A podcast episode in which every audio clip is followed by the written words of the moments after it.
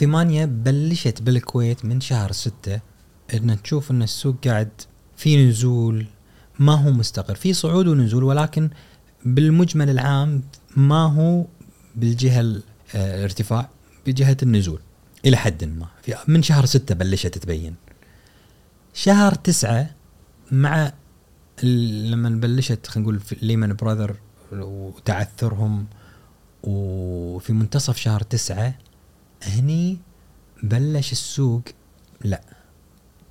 من تفتح السوق ما تلقى ولا سهم. تخيل الشاشة مو في الاكثر ارتفاعا. ما تشوف ولا واحد ولا أكثر واحد. ارتفاعا. ماكو. وتمت بالأيام. بالأيام بالأيام روح يعني. نزيف. نزيف. نزول نزول نزول نزول. يعني يعني آه، لحق لا تلحق إنك تبيع. لأن أنت اليوم تروح بالحد الأدنى إذا قدرت تبيع على الحد الأدنى لح- لحقت. ما لحقت خلاص انطر باكر الحد الأدنى. انطر باكر الحد الأدنى مم. انطر باكر الحد الأدنى. والكل مو عارف القاع وين؟ مم.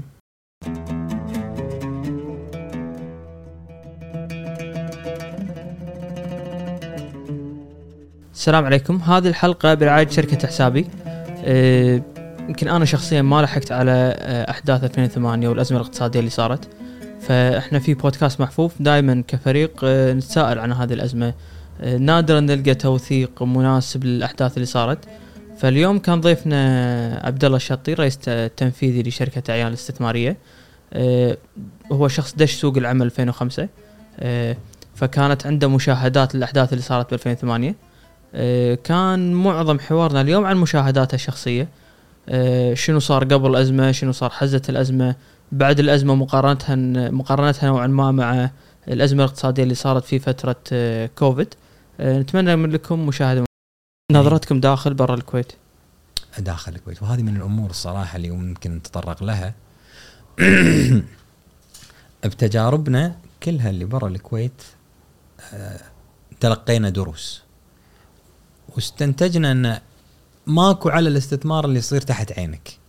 ماكو على الاستثمار اللي صارت مشكلة طقيت سيارتك سلف ورحت شس في. السالفة. عندنا استثمار بالعراق آه تمينا سنين ما حد يروح العراق. استثمرنا بنك نملك فيه 36% وما حد فينا راح العراق. وإحنا أسسناه وجبنا ال team خليناه يتدرب هني بالكويت. وبعدين يوم راحوا العراق ما تدري إيش قاعد يسوون. بس هذا يقول القوانين هناك البيئة الاستثمارية صعبة بس أنا تحطها بأوروبا تجربة شوف ممكن أوروبا وأمريكا اليوم هذه أسواق خلينا نقول mature بس الأسواق ال mature هم كذلك ترى يعني عوائدها ما عوائدها ما هي خلينا نقول في عوائد. يعني إحنا حاطين allocation حق real estate ببريطانيا على سبيل المثال. حاطين allocation إنه okay أبي هالعائد بهالمكان. آه بس ما وصلنا مرحلة إنك تاخذ مخاطر مثلا إنك تحط بالسوق الأمريكي حاليا. يعني إحنا ال fluctuation العالي اللي موجود بالسوق هناك مع إنه في فرص كثيرة. على مستوى شخصي ممكن تحط بس على مستوى شركة توها تبي تتعافى ما ودك صراحة تاخذ هذا ال risk في هالتوقيت. قاعد نشوف فرص ولكن كأنك قاعد تبني اليوم القواعد والأساس. تبي تكون very solid بعدين عاد تبي تعر تروح يمين يسار تسوي لك آه، بعض الاستثمارات here and there ممكن. بس محمد أنت تتكلم على توقيت أمريكا. يعني لما تاخذها من أزمة كورونا لليوم ال- اللي صار يعني منطقي. طبيعي ولا مو طبيعي؟ إيه؟ والله شوف يعني آه الارتداد القوي اللي صار ما هو وايد. يعني هو وفرت سيولة و cheap money و easy access to investment platform و investment in general فكم واحد تعرفه ما كان مستثمر بالسوق الأمريكي ودش حزتها. قبل كورونا ودش السوق الأمريكي عقب كورونا. وايد. وايد. ليش وايد؟ قاعد بالبيت. ثلاثة اشهر قعدنا ما شهرين مجابلين بعض. ما عندك إلا ال application وتسمع والأخبار و... وهذا سهم طار. وتسلا طاير. فتبي تلحق. هذا في شيء بعلم الاستثمار يسمونه ال herding effect وال fear of regret يعني شنو ال fear of regret؟ إنك أنت. تخاف تطوفك إيه.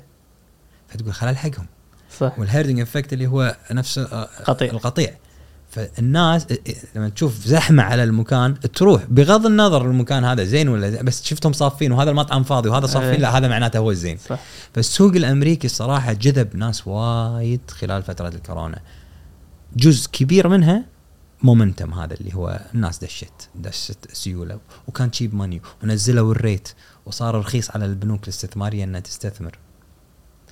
يعني ففيه عدة عوامل. الآن بدأت بس ترى من بداية السنة للحين صحح بشكل. كبير. خصوصا عقب آه، ارتفاع ال rate والتأشيرات إنه بيرفع ال rate. هو مؤشراته إنه بيرفع ال rate بلشت ال- ال money يصير إنه ما راح يكون cheap money راح يكون شوية أغلى عليهم. وترى ترى هذه سبحان الله هي يمكن هي ساكن على في ال 2008 يوم تصير الأزمة ترى وايد مؤشرات مشابهة وعلى سمول يعني الحين إحنا قاعد نتكلم عن rate almost 1 يعني cheap very cheap almost zero أصلا لليوم. interest rate إيه. وا... لأن أول شيء هم وايد نزلوا وايد. أيام الأزمة. أيام ذاك الوقت ما كانوا هذا المستويات أعلى كان. ولكن صار في تصاعد في موضوع الريت وبعدها عاد صارت الأزمة. ترى وايد في أمور مشابهة. يعني يمكن ما يحضرني شنو هي ال- الأمور المتشابهة ولكن آه أصول تضخمت سيولة كانت متوفرة عند الكل تشيب ماني متوفر الكل يبي مولك. ويمكن بعد شوي نتكلم شلون كانت البنوك يدقون عليك تليفون تكفى تعال خذ منه فلوس. هذا أول أيام اول قبل أيام. 2008 قبل 2008 كانت ال- البنوك تدق على الشركات تعال. يعني الشركات دي approach sometime بس مرات مدراء الحسابات في البنوك يدقدقون على الشركات يبا تعال أنا عندي target بس أسكره أبي أسكره يبا. بدون collateral لا تعطيني أي ضمان. ترى جزء كبير من شركات الاستثمار تمولت بدون ضمانات. وهذا كان شيء طبيعي بالسوق. في ذاك الوقت. الآن ما حد يعطيك كذي. انسى الموضوع أصلا الحين. الحين لازم ضمانات لازم corporate guarantee لازم cash flow يعني قصص. بس في ذاك الوقت كان فورة بس فورة. ما ما تحس أبو محمد الحين إذا صارت أزمة ثانية ما راح آه، يتعور السوق كثر 2008 لأن أنت عندك هذه التحفظات والقوانين اللي ال- حاطها البنك المركزي. شوف وايد أمور يعني تسنعت من عقب الأزمة. وأهمها وجود ضوابط ورقابة و... وهيئه أسواق المال إلى حد ما وتعلموا يعني. فهذه كلها الأمور تخلي خلينا نقول الوضع أفضل من ما كان. مم. هذا for for sure بس ما يعني إنه ما يكون في أزمة ثانية. أصلا الوضع الطبيعي إنه يكون في أزمات. يعني الازمات اللي هي cycle. cycles صح. cycles تروح وترد تروح وترد. إحنا اللي صار عندنا ترى ال cycle مالتنا ما تعافينا منها إلا recently يعني بدأ شوية السوق يتعافى. أتذكر كنا قاعد نسوي 2016 17 بلش صح؟ عدل شوية ورد يعني. ما يعني ما حصل في ال- ال pick up اللي حصلته الأسواق الخليجية. يعني آه على أسواق المال. نتكلم عن السوق السعودي السوق القطري السوق الإماراتي. 2008 كلنا نزلنا وهم نزلوا ويانا صح؟ يمكن عندي الصورة أراويك إياها. الأسواق كلها ارتدت بال 2012 2013 تعافت أسواقهم. ردت إلى مستويات مقاربة لمستويات 2008 سوى هال curve. إحنا تمينا تحت. هم بعدين ردوا شوي شوي تحركوا. إحنا تمينا تحت. إحنا تو يمكن السنتين اللي طافوا اللي شوية السوق بدا شوية يتحرك up بس في سبب واضح ليش تأخر السوق الكويتي؟ سبب أول أزمة ثقة كبيرة. يعني ترى ال- الكاش موجود. امم البنوك متروسة ودائع متوهقين فيها. بس في أزمة ثقة ما بين المستثمرين وما بين الشركات وما بين البنوك شك كبير بين الكل. كل خايف. الكل خايف. هذه نقطة. النقطة الثانية دخلت هيئة أسواق المال بالتوقيت بالطريقة اللي دشت فيها كان خلينا نقول آه، كانت حقل تجارب. فالكل مت متشكك من إيش بيصير؟ يعني فترة من الفترات كانوا حطوا مثلا من التعليمات أتذكر إنه مثلا آه، أعضاء مجلس إدارة ما يصير إنك تصوت بطريقة معينة أو بطريقة معينة. صار في صدام ما بين هيئة سواق هذا مثال بسيط ما مو هو اللي ولكن أعطيك إنه كان في مناطق آه، ريبة ما بين القطاع الاستثماري بشكل عام ودخول جهة منظمة جديدة. وبنفس الوقت لو تلاحظ هذا الكلام متى تتكلم عن 2012 إلى 2016 مم. صح ولو تلاحظ هذه الفترة أصلا كان فيها شك وريبة سياسية في البلد مم. يعني البلد كان صح. كل يوم مجلس كل يوم وزير كل يوم لك جبيل فهذه عدم الاستقرار السياسي بالبلد محليا لا تأثير بشكل أو بآخر على على القطاع أو على المنظومة الاقتصادية. بشكل عام وايد قرقنا قبل لا أبلش. لا لا بالعكس. إحنا عادة نحطهم هالأشياء بس إذا أنتوا قاعد تسجلون؟ إحنا بنسجل من أول ما تبلش بس لا. إيه. تمام. اسمحوا لي. لا لا لا بالعكس. إحنا ترى كذي إحنا متعمدين نسويها كذي.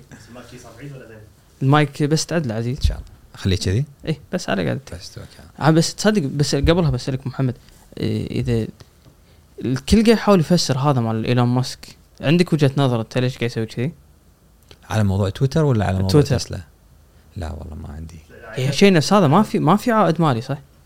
تويتر هو قاعد يحط فكر طبعا شوف تويتر اليوم صار محرك رئيسي لسياسات أنت تملك يعني اليوم ليش وايد مستثمرين استثمروا في الميديا وفي مم. الإعلام وما قاعد يربحون من وراها يعني اليوم ترى معظم الصحف ما هي ربحية صح ولكن خلينا نقول لها تأثير سياسي لها تأثير اقتصادي. اليوم تويتر كان محرك رئيسي لثورات معينة.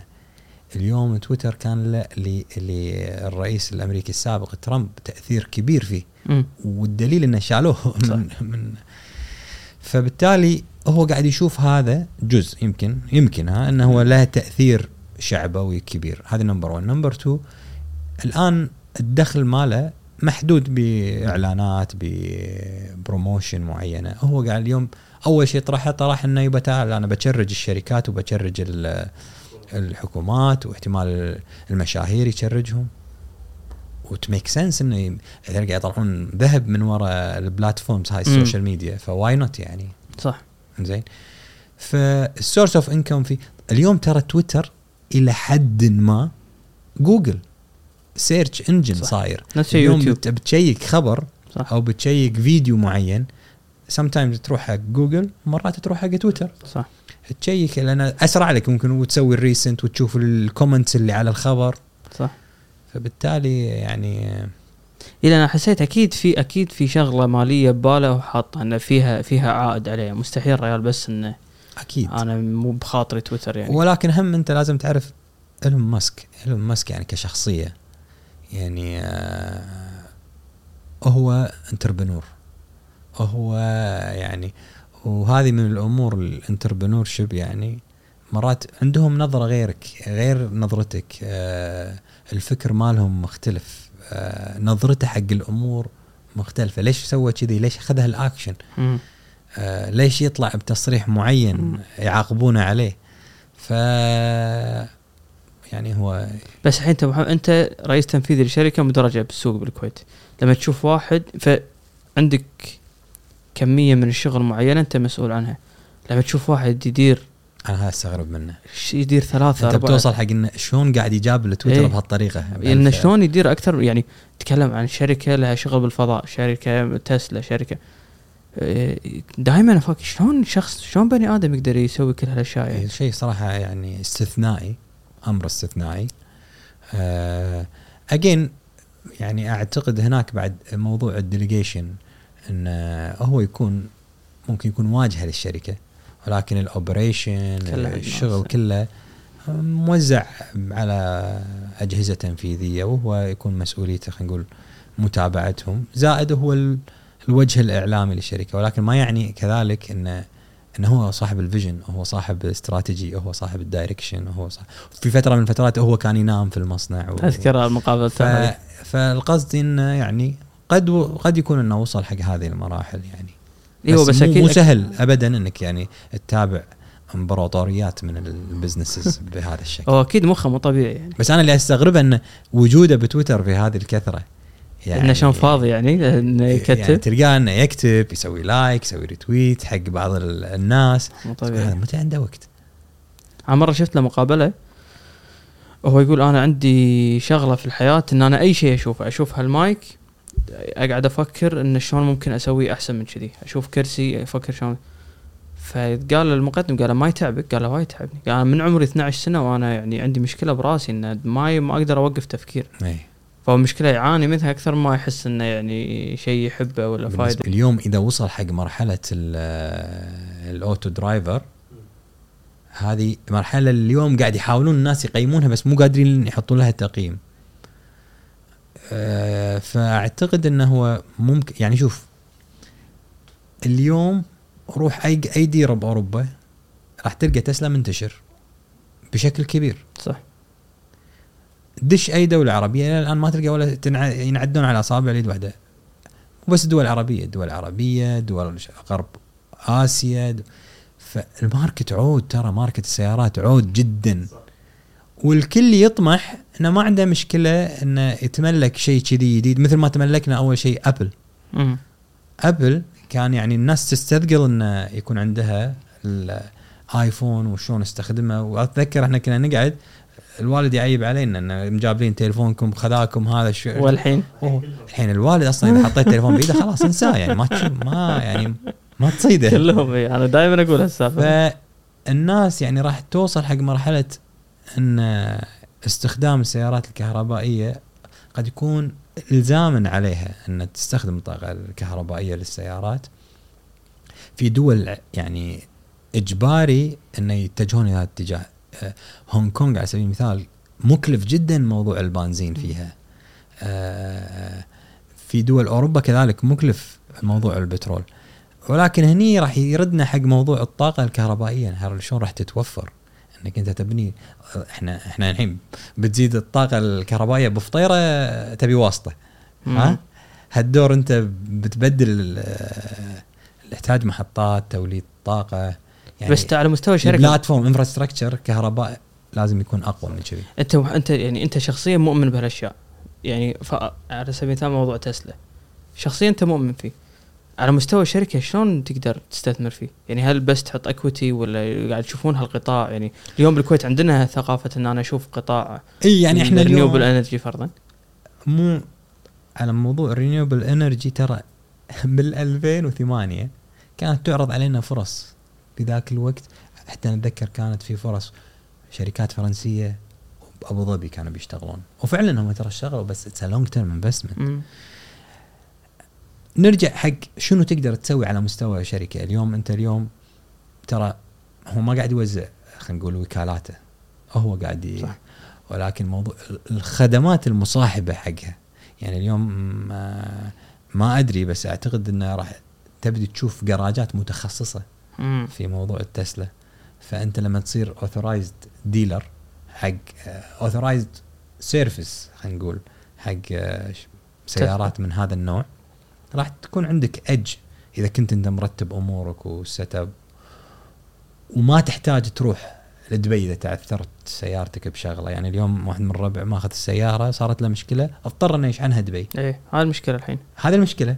فشلون تعالج هذه المشكلة إذا صار عندك ال set up موجود بالكويت مو شرط هو يفتح ال set up الثاني يعني اليوم ال- كل ال services وال maintenance نفس ابل ابل اليوم مو فاتح بالكويت ولكن في authorized dealers هذا وجه على مستوى الشركة. يعني تقدر تسوي لك أنت تبدي تعال ليش أنا آخذ أصير أكبر جراج بالكويت حق أسبق الناس مثلا. هذا توجه. توجه ثاني أنت تتكلم عن استثمار direct direct investment في ال equity تسلا.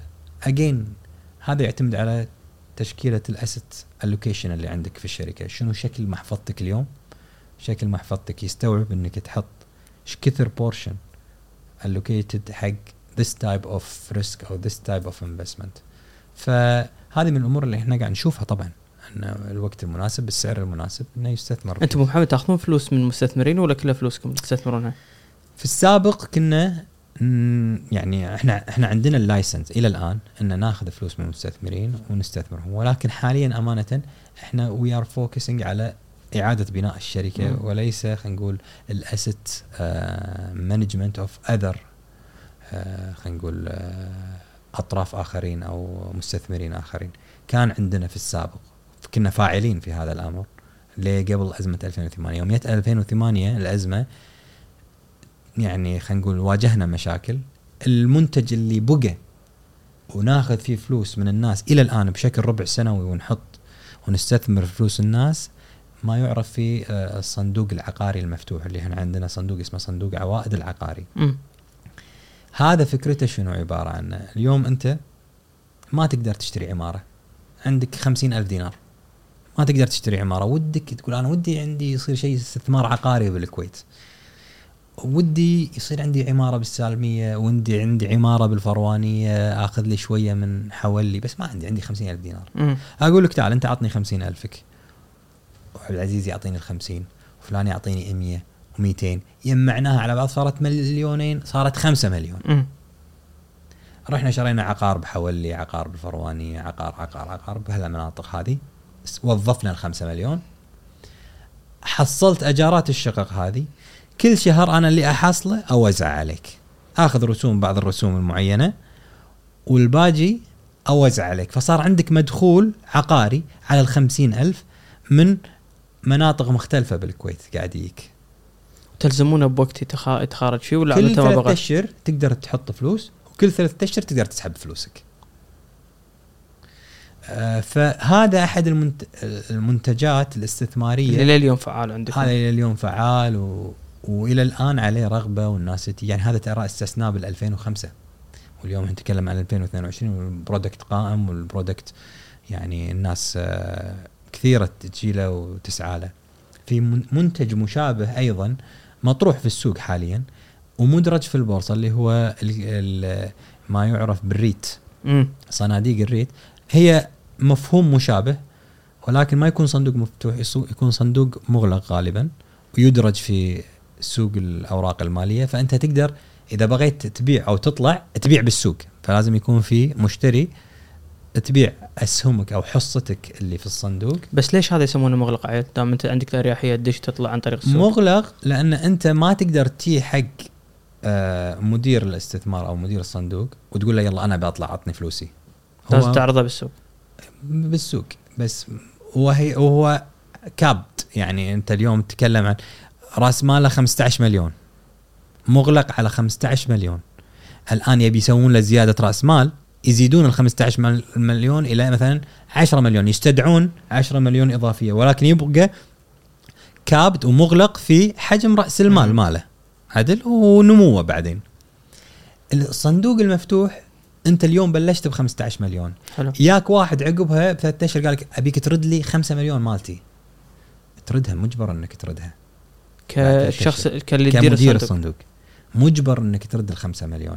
يا عقبها بشهر واحد قال لك أبي أرد 7 مليون. مجبر ترد 7 مليون. بسعر معين بالصندوق ولا؟ المغلق ما تسوي هالشيء. بس شنو شنو السعر اللي أنت ملزوم فيه؟ السعر اللي هو دش فيه ولا السعر أنت تحدده ولا؟ في الصندوق المفتوح يسعر بشكل شهري وفي سعر اللي هو نهاية ال quarter يسمونه صافي قيمة الأصول يقيمون الأصول كلها مم. بنهاية الثلاث أشهر كم صارت ارتفعت أطلعك على هالسعر نزلت أطلعك على هالسعر بس هم في risk حقك أنت كمدير صندوق صح؟ طبعا إن أنت اي وقت أحد يقتل لازم عندك الكاش هذا جاهز وعندك. الرغبة هي هذه هي هذه بالضبط هي خلينا نقول دور شركات الاستثمار ودور مدير الصندوق العقاري في إنه شلون يدير الكاش فلو ماله. شلون يعرف متى يبيع؟ يعرف متى يخلي كاش. إيش كثر يخلي كاش؟ يعرف في الفترة الفلانية يصير في تخارجات. تخارجات. وهذه من الأزمات اللي صارت في أو الصدمات اللي صارت في ال- بعد 2008 إن معظم المنتجات هذه يوك الناس المستثمرين بسرعة من الهلع يبي يطلع فلوسه. توهق فجأة. مدير الصندوق فأغلب ما مدراء الصناديق توهقوا في ذاك الوقت. مم. ف يعني هذه من الأمور اللي صارت في ال في ال 2008 إنه فجأة شفت إن الناس كلها جت على على استثماراتها تبي تتخارج من الوضع يعني طبعا ما ألوم الناس في ذاك الوقت يعني كان وضع استثنائي. إيه، أتوقع لازم نبلش. لا بس شوف عادة إحنا وايد نستعمل من الأشياء اللي قلتها فانا كنت وايد مستانس يعني ممتازة. حياك الله. إيه، مساك الله الخير محمد. حياك الله ما قصرت على وقتك على يتك إيه أنا بتكلم 2005 نعم. إيه وينك أنت؟ تذكر هالسنة. اي نرجع شوية. قبل 2005 يعني أنا 2000 دشيت الجامعة دشيت كلية الهندسة. آه في ذاك الوقت يعني أنا ترى كانت رغبتي الأولى طب أسنان. زين. يعني أنا مقدم. بعثه أبي أروح طب أسنان. والرغبات بعدين كلها طب طب بشري وطب. ما أطلع ما انقبلت بعثة. سبحان الله ذيك السنة آه، ما انقبلت بعثة. فتالي وكنت حاط بالكويت إني بروح علوم إدارية. في ذاك الوقت القطاع هذا بادي يتحرك. يعني بادي تسمع عن شركات استثمار بداية ال 2000 وكانت طبعا أزمة ال IT في ذاك الوقت ال dot com اللي كانت مشهورة. كانت بين 99 2000 هذا الوقت فكان الكل يتكلم عن القطاع المالي والكل يتكلم عن ال dot com وعن الكمبيوتر. فمعدلي زين. الكل قال لي ليش تروح بتروح علوم إدارية؟ فاضطريت أروح أغير رغبتي خليتها هندسة. يعني أنا كنت مقدم بالكويت علوم إدارية وبرا الكويت طب. مم. بس إني أقعد بالكويت وأجاب الطب ولا أجاب الهندسة؟ لا. يعني أنا هني بالكويت يا ديوانيه. يا يا كرة فما صح. ماكو مجال. صح. بعدها قلت لا خل أعدل رغبتي وأخليها هندسة. وفعلا غيرت رغبتي وخليتها هندسة. هذا سنة 2000 إحنا. سنة 2000 دشيت هندسة. من أول سنة وبدأ السوق شوي شوي يتحرك بعد أول سنة حاولت أروح أغير رغبتي. بس سوق تحرك يعني أنت أنا قاعد قاعد أقيس على نفسي أنا أيام الجامعة. يعني هل الصدى كان عود لدرجة شخص أول ثاني سنة جامعة قاعد يسمع هالحكي ولا أنت كنت مهتم بزيادة ولا؟ يعني أنا كنت قريب من ناس لهم في هذا المجال و... وكنت يعني دائما أشوف إن في فرصة لا تطوفني مم. يعني بسرعة أبي أتخرج بسرعة أبي أشوف بلحق على ال- على القطاع أو على ال... وفي ذاك الوقت كنا نقرأ يعني أنا كنت من الناس اللي يقرون أصلا في الجرايد وأتابع الأخبار و... وشوف القطاع هذا شلون قاعد يتحرك. بذاك الوقت أقول لك عقب أول سنة حاولت أغير رغبتي أصلا. يعني طفت أغلب المواد اللي بالهندسة. أول سنة يعتبر سنة كلية العلوم إحنا موادنا هاي الصعبه قلت لا بحول بروح علوم اداريه رحت بحول كان يقول لي أنت صدق خلصت الصعب ما. بقى لك شيء. خلص هندسة. فوالله شديت على عمري وتخرجت من الهندسة سنة 2004 يعني حتى بسرعة وياي واحد من الشباب كنا مع بعض دائما وتخرجنا بال 2004 يوم تخرجت 2004 ياني قبول في أحد الشركات المعروفة في قطاع البتروكيماويات في البلد كآي تي. يعني لأن أنا خريج هندسة كمبيوتر. أوه سابق زمانك أنت. هندسة ف- كمبيوتر 2000 طبعا أنت لو تسألني ليش رحت هندسة كمبيوتر أقول لك ما أدري. تكلمنا فال 2000 يعني إحنا أتذكر للحين أتذكر الموقف. رايحين من إحنا عقب أول سنة التخصص أول شيء دش هندسة. عقب أول سنة تخلص مواد معينة يقولوا لك تغير تكتب التخصص اللي تبيه. فأنا ويا وا- واحد من الربع كنا محتارين. يعني وين نروح؟ أي هندسة؟ وهني أمانة هني هني وقفة مهمة إن من الضروري جدا في هذا المرحلة من العمر يعتبر هذا أحد أهم قراراتك بالحياة. صح. اختيار الكارير مالك وين بيروح. فمن الضروري جدا إنك تقعد مع ناس عندهم خبرة وعندهم دراية ويرشدونك يعني في الطريق اللي لازم تاخذه. في ذاك الوقت إحنا شوية يعني صراحة يعني إحنا خذيناها خلينا نقول كذي يعني آه، على علاقاتنا على ربع دوانية. فرحنا قلنا يبا ترى خلاص أنا بروح بشوف شنو احتمال بروح هندسة صناعية.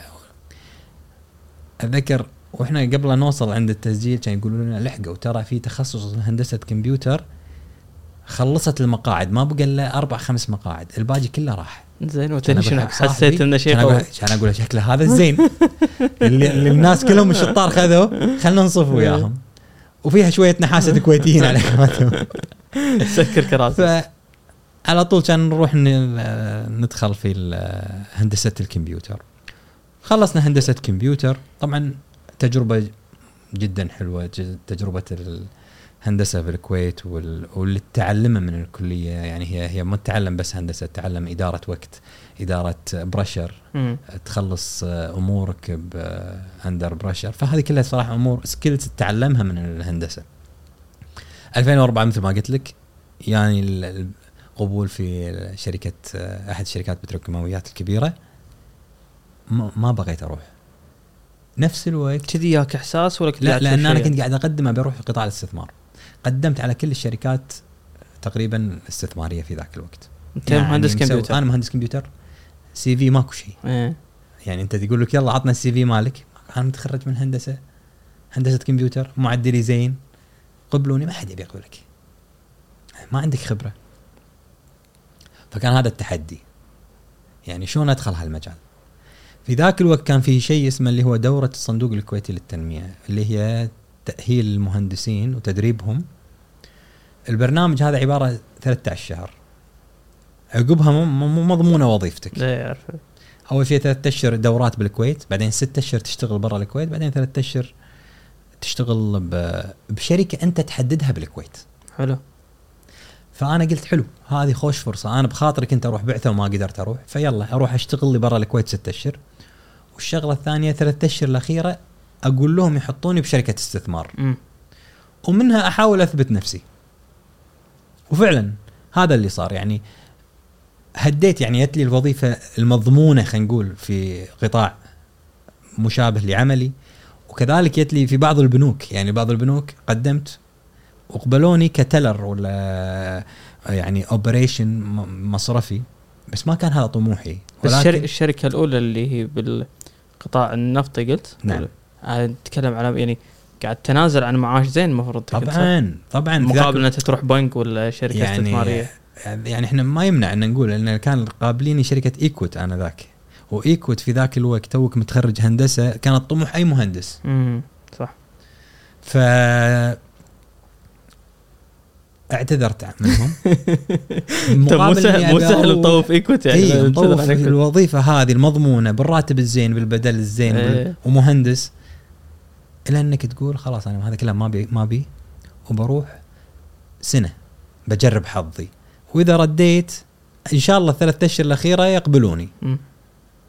وفعلا لله الحمد يعني الثلاث أشهر الأخيرة قلت أبي أروح المركز المالي. ليش المركز المالي؟ لأن اللي كانوا إحنا الدفعة الثانية في المركز ال- في الصندوق الكويتي اللي كانوا مؤسسين البرنامج هذا كان الأخ الله يذكره بالخير مناف الهاجري مم. والأخ بسام العثمان كانوا بالصندوق الكويتي للتنمية أنا ذاك اطلعوا راحوا المركز المالي فقلت لو اليوم أنا بروح كمتدرب من الصندوق للمركز المالي إلا على الأقل آه، في علاقة ما صح. بين الجهتين صح فقلت ممكن على الأقل يفتحون لي الباب إني أتدرب عندهم. وهذا تكتك أنت يعني. والله لازم تسوي. إيه، يعني. هذه التفاصيل لازم لا يعني. أنا شو- شلون توظفت أنا كلش ما كنت تكتكها شيء فدشيت ال- شركة المركز المالي وانحطيت في إدارة طبعا سووا لنا rotation في البداية. انحطيت في إدارة اسمها ال private equity الملكيات الخاصة. آه طبعا هالحكي كان إحنا تخرجنا 2004 بلشنا هناك بنهايه بشهر 8 2005 تقريبا.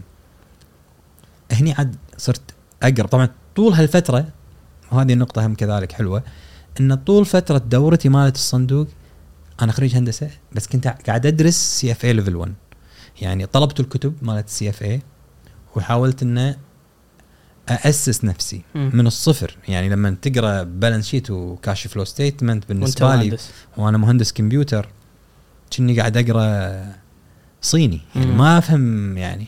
ولكن وبدون تدريس بدون برامج ولا في ذاك الوقت اللي خلينا نقول حتى فعال اليوتيوب مثل الحين اليوتيوب. فطلبنا الكتب وقعدنا ندرسهم بروحنا يعني أنا بروحي كنت أدرسهم. قدمت أول اختبار أتذكر بشهر 12 وما نجحت. وقدمته مرة ثانية بعدين اللي عقبها نجحت بشهر 6 اللي عقبه. اللي صار إن طول هذه الفترة كنت قاعد أهيئ نفسي ان أبي أدخل قطاع الاستثمار. فحتى لو من يجون يسألوني بأي interview لا أنا عندي ال basics مالت القطاع. دشيت المركز المالي. خلال وجودي في المركز المالي طبعا شفت خلينا نقول آه، مستوى احترافية عالي جدا. آه، الاستثمار في الملكيات الخاصة يمكن ما أدري إذا تعرفون عنه كثير هو باختصار جدا إنك تستثمر بصناديق عالمية. حلو. هذه الصناديق يعني تجمع فلوس من مؤسسات مختلفة ومستثمرين محترفين. لنفترض خذت 1 بليون تروح بال 1 بليون هذا تستثمر في شركات مختلفة غير مدرجة. أو إنها مدرجة وترد تسوي لها يعني تخليها غير مدرجة بس هي قايمة على ان هي تستثمر في شركات unlisted و private equity وبالتالي تطورها وتبيعها وتسوي عائد. عقب ثمان سنين عشر سنين تبدي ترد العائد هذا توزعه على المساهم المساهمين اللي ملوت الصندوق. فأنا انحطيت بهذه الإدارة اللي منو نشوف؟ اللي نقابل مدراء الصناديق.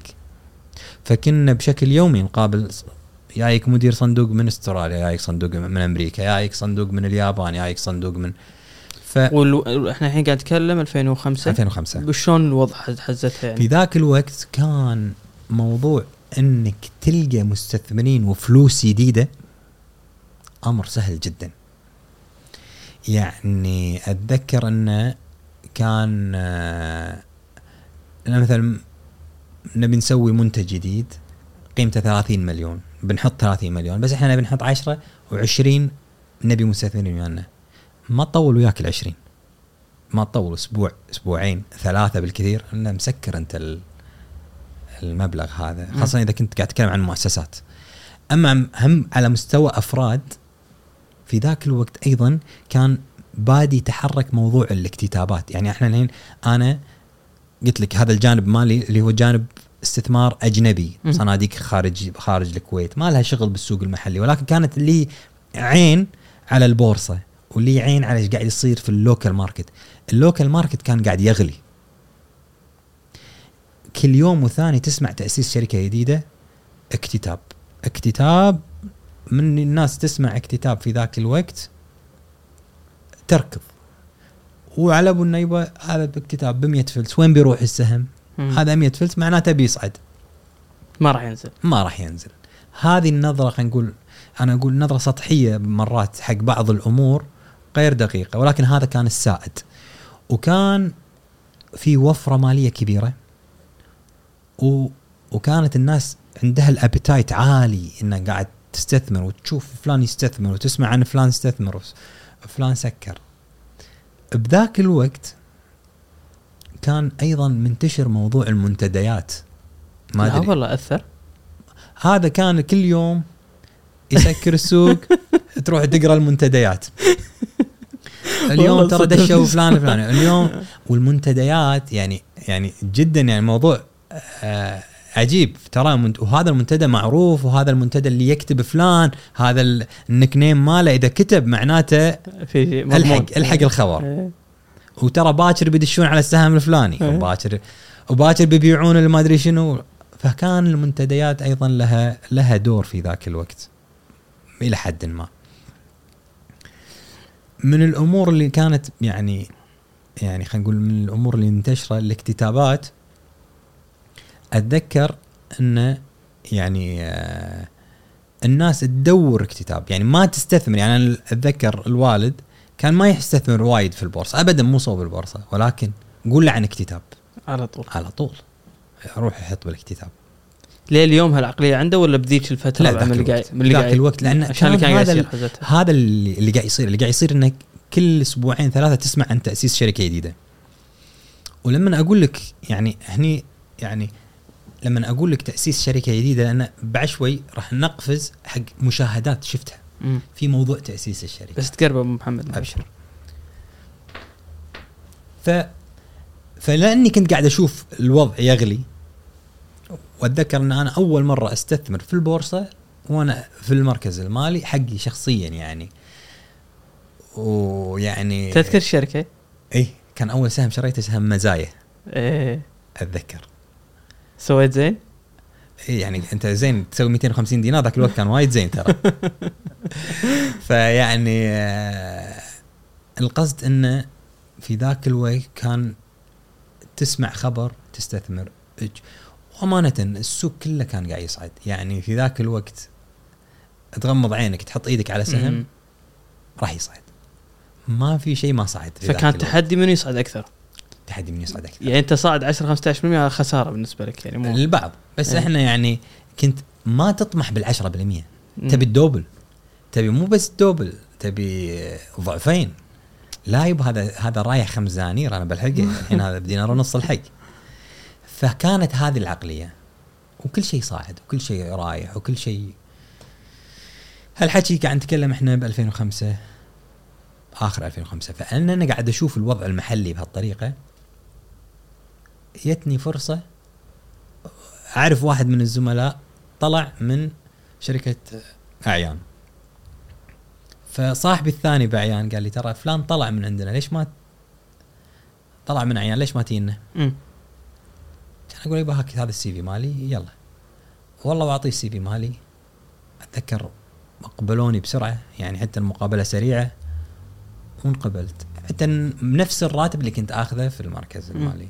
طبعا عدة أسباب خروجي من المركز المالي بس خلينا نقول أحد الأسباب كان انه كذلك انه في موضوع إن أبي أكون قريب حق السوق المحلي. مم.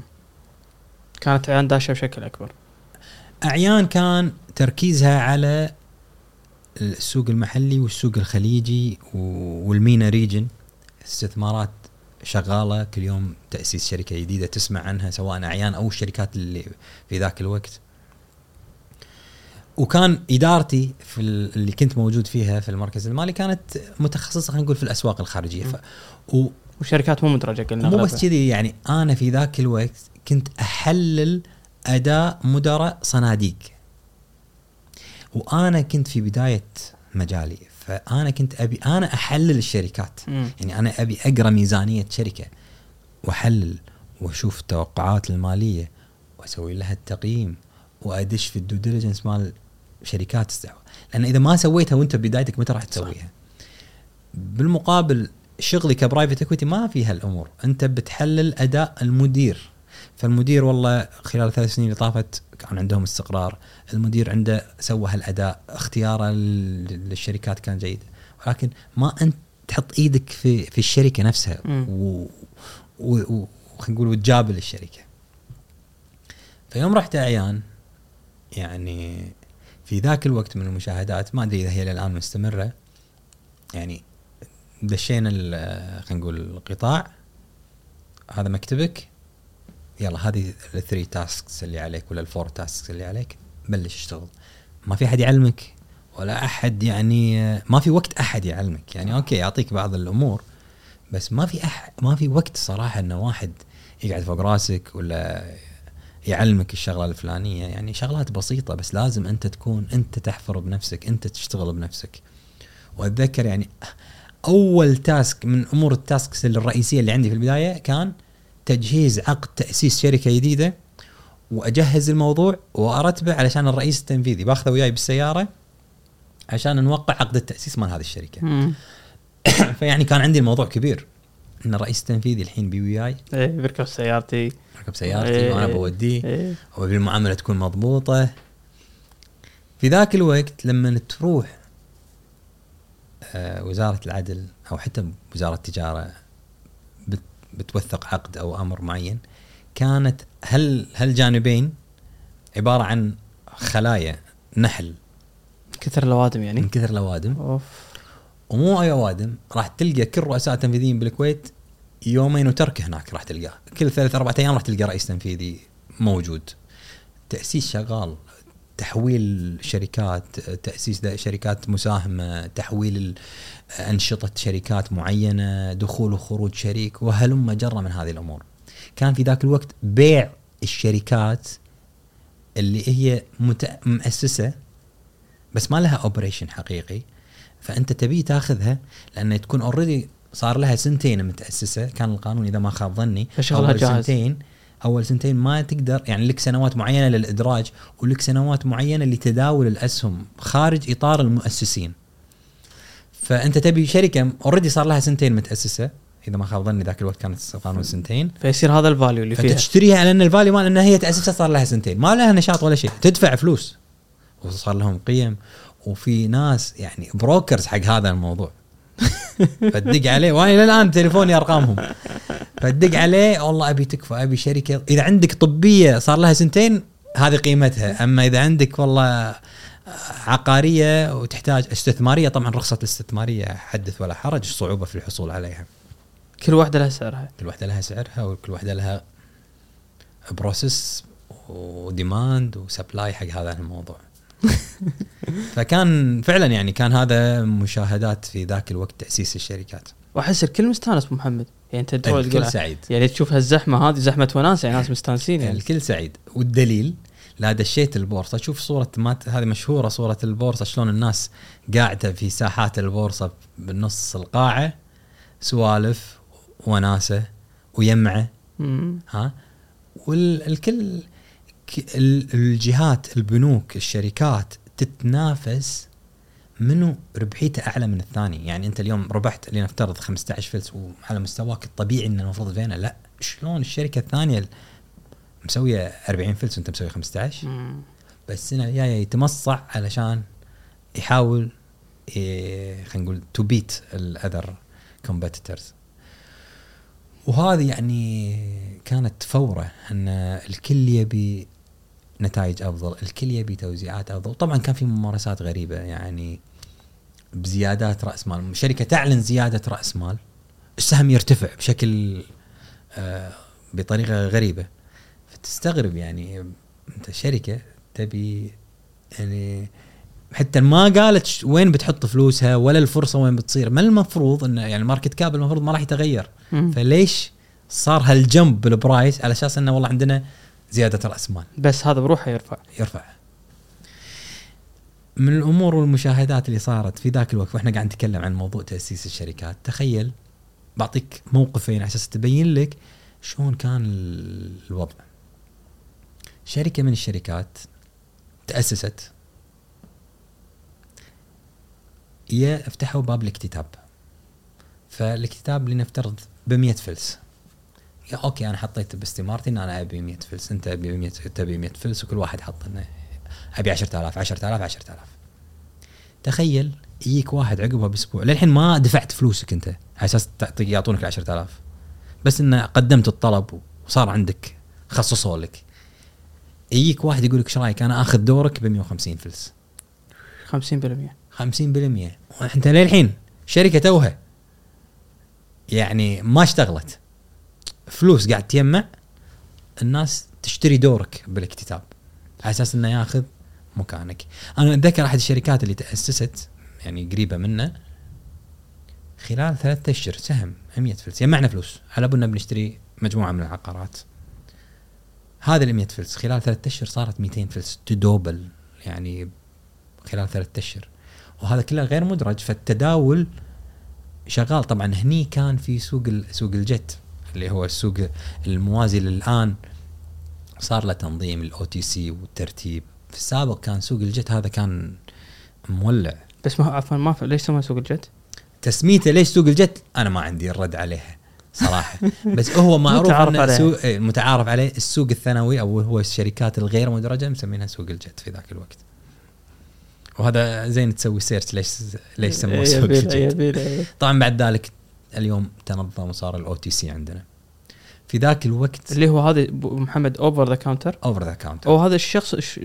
بس هو غالباً- دقيقة يعني. هو الشركات الغير مدرجة اللي هي ما هي متوفر يعني غالبا غير متوفر فيها آه الإدراج شروط الإدراج. فما تداول في السوق المدرج.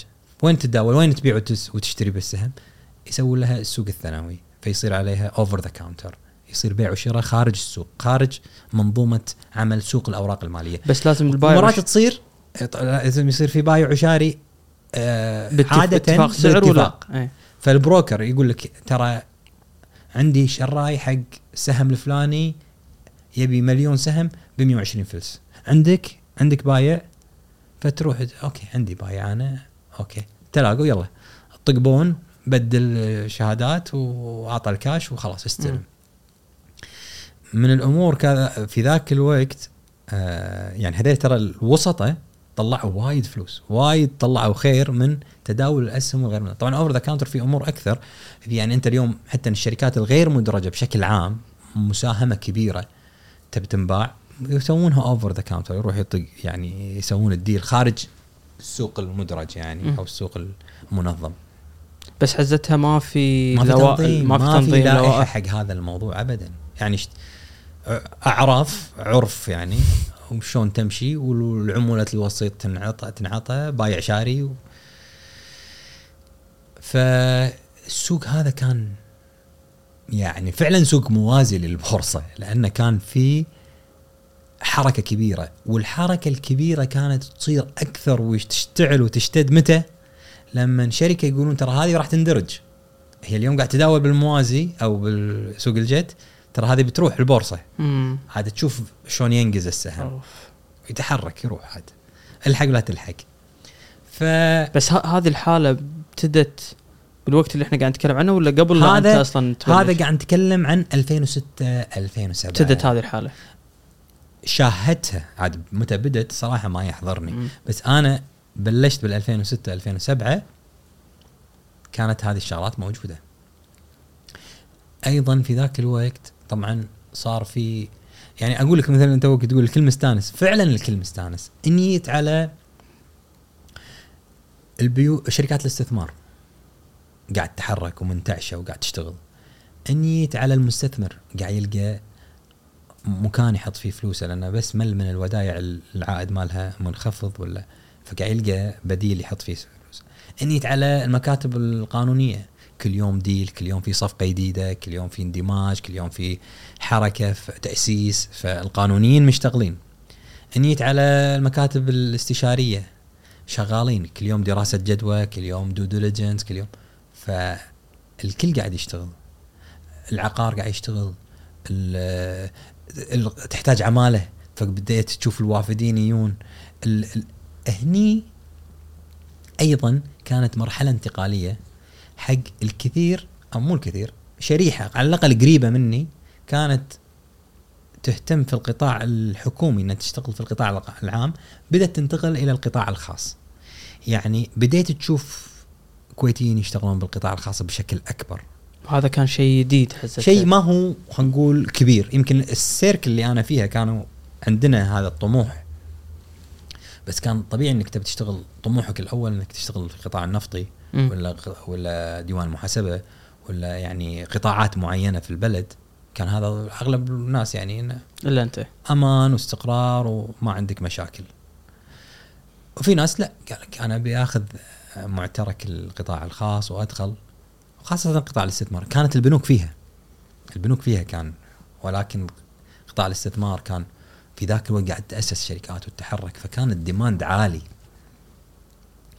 وهني أستذكر يعني موقفين. لما أقول لك ال demand على العمالة كان عالي. ال- النقطة الأولى أتذكر أن أنا توني جيت عيان عقب شهر بعيان. ياني offer 60% زيادة على راتبي. لا والله. أنا توني سنة أولى متوظف توني خالص. فيجيك واحد يقول لك تعال بعطيك زيادة 60% على راتبك. شركة جديدة توها متأسسة. ف ها almost double راتبك. إيه. وإحنا راتبنا في ذاك الوقت يعني توك ها؟ ايامها في دعم عمالة؟ دعم العمالة بس كان شنو؟ دعم العمالة كان 300 دينار أو إيه. 250 دينار. آه، إذا ما خاب ظني يعني هذا الرقم شيء كذي. فكان يفرق. صح. يفرق. يعني أنت توك fresh graduate ويجيلك offer مثل هذا. ولكن للأمانة أنا قلت لا بتم بعيان براتبي الحالي ولا حتى إن كلمت عيان في هذا الأمر ولا جبت لهم طاري ان إن أنا ترى يعني offer وزيادة ولا جبت الطاري ممكن بس ممكن أطلع الموضوع بس ثانية. لأن سؤال دائما يطري على بالي حق أي شخص بمكان يعني موظف عادي هذا اللي أنت ما سويته أنت اليوم رئيس تنفيذي لشركة عيان. إيه شيء صح إن الواحد يسويه ولا غلط؟ والله شوف يعني هي تصير يعني هي كممارسة موجودة. زين بس ترى هي لازم تكون حذر فيها. أنت يا الموظف. أنت يا الموظف. يعني أنت اليوم لازم تعرف إن اللي أنت قاعد تطلبه فعلا أمر مستحق أو إن ظروف الشركة مناسبة ملائمة إن هني أنا أقول بالعكس ما هو غلط وطريقة ال approach حق الموضوع تكون مناسبة. فأنت بطريقتك وأسلوبك وال communication مالك شلون توصل إنه يبقى أنا ترى عندي رغبة إني اكمل أكمل معاكم. وأنا بالعكس يعني حتى ممكن اليوم إذا ظروف الشركة ما تسمح أنا لو توعدوني لقدام أو بطريقة أو بأخرى مع مثلا ترى أنا وياكم. غير إنه يبقى ترى أنا جاي عندكم أسبوعين أنا ماشي. you match or أنا I'm gonna leave هذه الطريقة مختلفة. وهني مرات ليش أقول لك مرات تكون مرات أنت تنطر واحد يجي يقول لك تقول لا الله يوفقك. جت من عندها يا ما ليش؟ يلا الله يوفقك. زين فأنت دير بالك. ما تدري. دير بالك. بس أنا أقول أنت توزنها. أنت تعرف تختار الوقت المناسب. في ظروف الشركات يعني بعض بعض الشركات لا فعلا الممارسة العامة كذي. تبي ييب offer للأسف يعني وأنا ما أشوف إن هذا أمر صحيح. ولكن أنت المفروض صراحة يجيك وهذا دور هم علينا إحنا كأجهزة تنفيذية و إن ان تقرأ السوق وتقرأ موظفينك بشكل أدق وتحاول إنك خلينا نقول لما تقول تقرأ موظفينك تقصد إنه أنا أعرف فلان يستحق أكثر من اللي هو قاعد ياخذه نعم. فرضا؟ نعم. تعرف إنه هو المفروض يستحق إيش كثر؟ وتعرف إنه يعني أنا ذكر أحد الأمور يعني صارت لي ما راح أقول حتى ال phase اللي إحنا كنا فيه ولكن طلبنا في زيادة حق أحد الأشخاص. فرحت حق المسؤول وقلت له ان أنا أشوف إنه it's not fair إن فلان يستلم هذا المبلغ وبالمقابل بنفس ال level في ناس تستلم هذا المبلغ. يقول لي هذا يستلم أقل منهم. أوف. قلت له اي نعم كان يقول زياده زيادة عنهم. لأنه يستحق. لأنه يستحق. لأنه هو بالنهاية فعلا يستحق. بس مرات الأجهزة الإدارية أو خلينا نقول رأس الهرم قد يكون بعيد بعض الأحيان عن تفاصيل مثل هذه. قد يكون مرات يعني أنت ما تلحق بعض الأمور.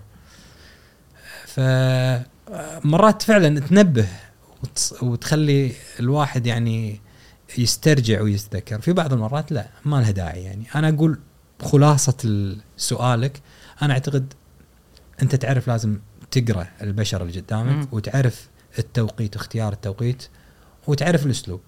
إذا هذه وأنت تعرف أيضا يعني وضعك. يعني لما تقول لك والله جايك واحد ب double المعاش you know إن الشركة كانت ماتش هالشيء هذا. راح تخرب ال scale. هني نسترجع محمد صلاح أنا ترى ليفربولي. زين مبروك. مبروك. مبروك. بتروح ولا ماكو ماكو؟ والله حجزت التذكرة مالت الطيارة بس المباراة للحين ما حجزت التذكرة. بس أنا بنبهك على الفنادق ترى. حجزت فندق حجزت. وتبيعه 50% تستاهل. فأقول لك يعني هذا الآن لما يتكلم عن زيادة راتبه قاعد يتكلمون عن زيادة صراحة. راتبه إيه. هو يبي كثر رونالدو. مثلا النادي عنده سياسة policy إحنا عندنا policy رواتب بالشهر لازم ما تتعدى هذا الرقم. أنت تبينا نكسر هذه السياسة. لما أنا أقول لك المحاسب عندي أبي ما يتعدى ال range ماله بهالطريقة. والله الترقية كل سنتين ما أقدر أسويها كل ستة أشهر. لازم مرات اللي قدامك يتفهم ويكون مرن بحيث إنك تزرع وتحصد تالي. يعني تفكر ليه قدام. عمرك بالكارير لا تشوف اليوم كم قاعد تستلم ولا تشوف غيرك اللي على يمينك إيش كثر قاعد يستلم. شلون تقيس سعر محمد؟ يعني هي رزقة سبحان الله. أنت اليوم يعني يعني الله كاتب له إنه ياخذ هذه الرزقة و... وأنت لازم تكون عندك قناعة باللي قاعد تاخذه وتطمح للأفضل. بس ما تحط عينك يعني على رزقة غيرك أو تشوف غيرك إيش كثر قاعد ياخذ لا أنا مثلا ما دام هو قاعد ياخذ أنا باخذ مثله بس ولو كان اثنينهم نفس على قولتهم نفس لو الشغل نفس حتى. لو نفس الشغل ونفس هذا ابتعد عنها تريح بالك مم. تريح بالك. وترتاح وتيك قدام صدقني يعني من مشاهدات ومن مواقف كثيرة صارت لي تيك قدام. وسبحان الله يعني آه، ربك إذا كاتب لك إياها بتيك وهي خيرة. يترك من ترك شيئا يعني يجي له سبحان الله. من ترك شيئا لله عوض الله شيئا خيرا خيرا منه. بعطيك قصة بسيطة.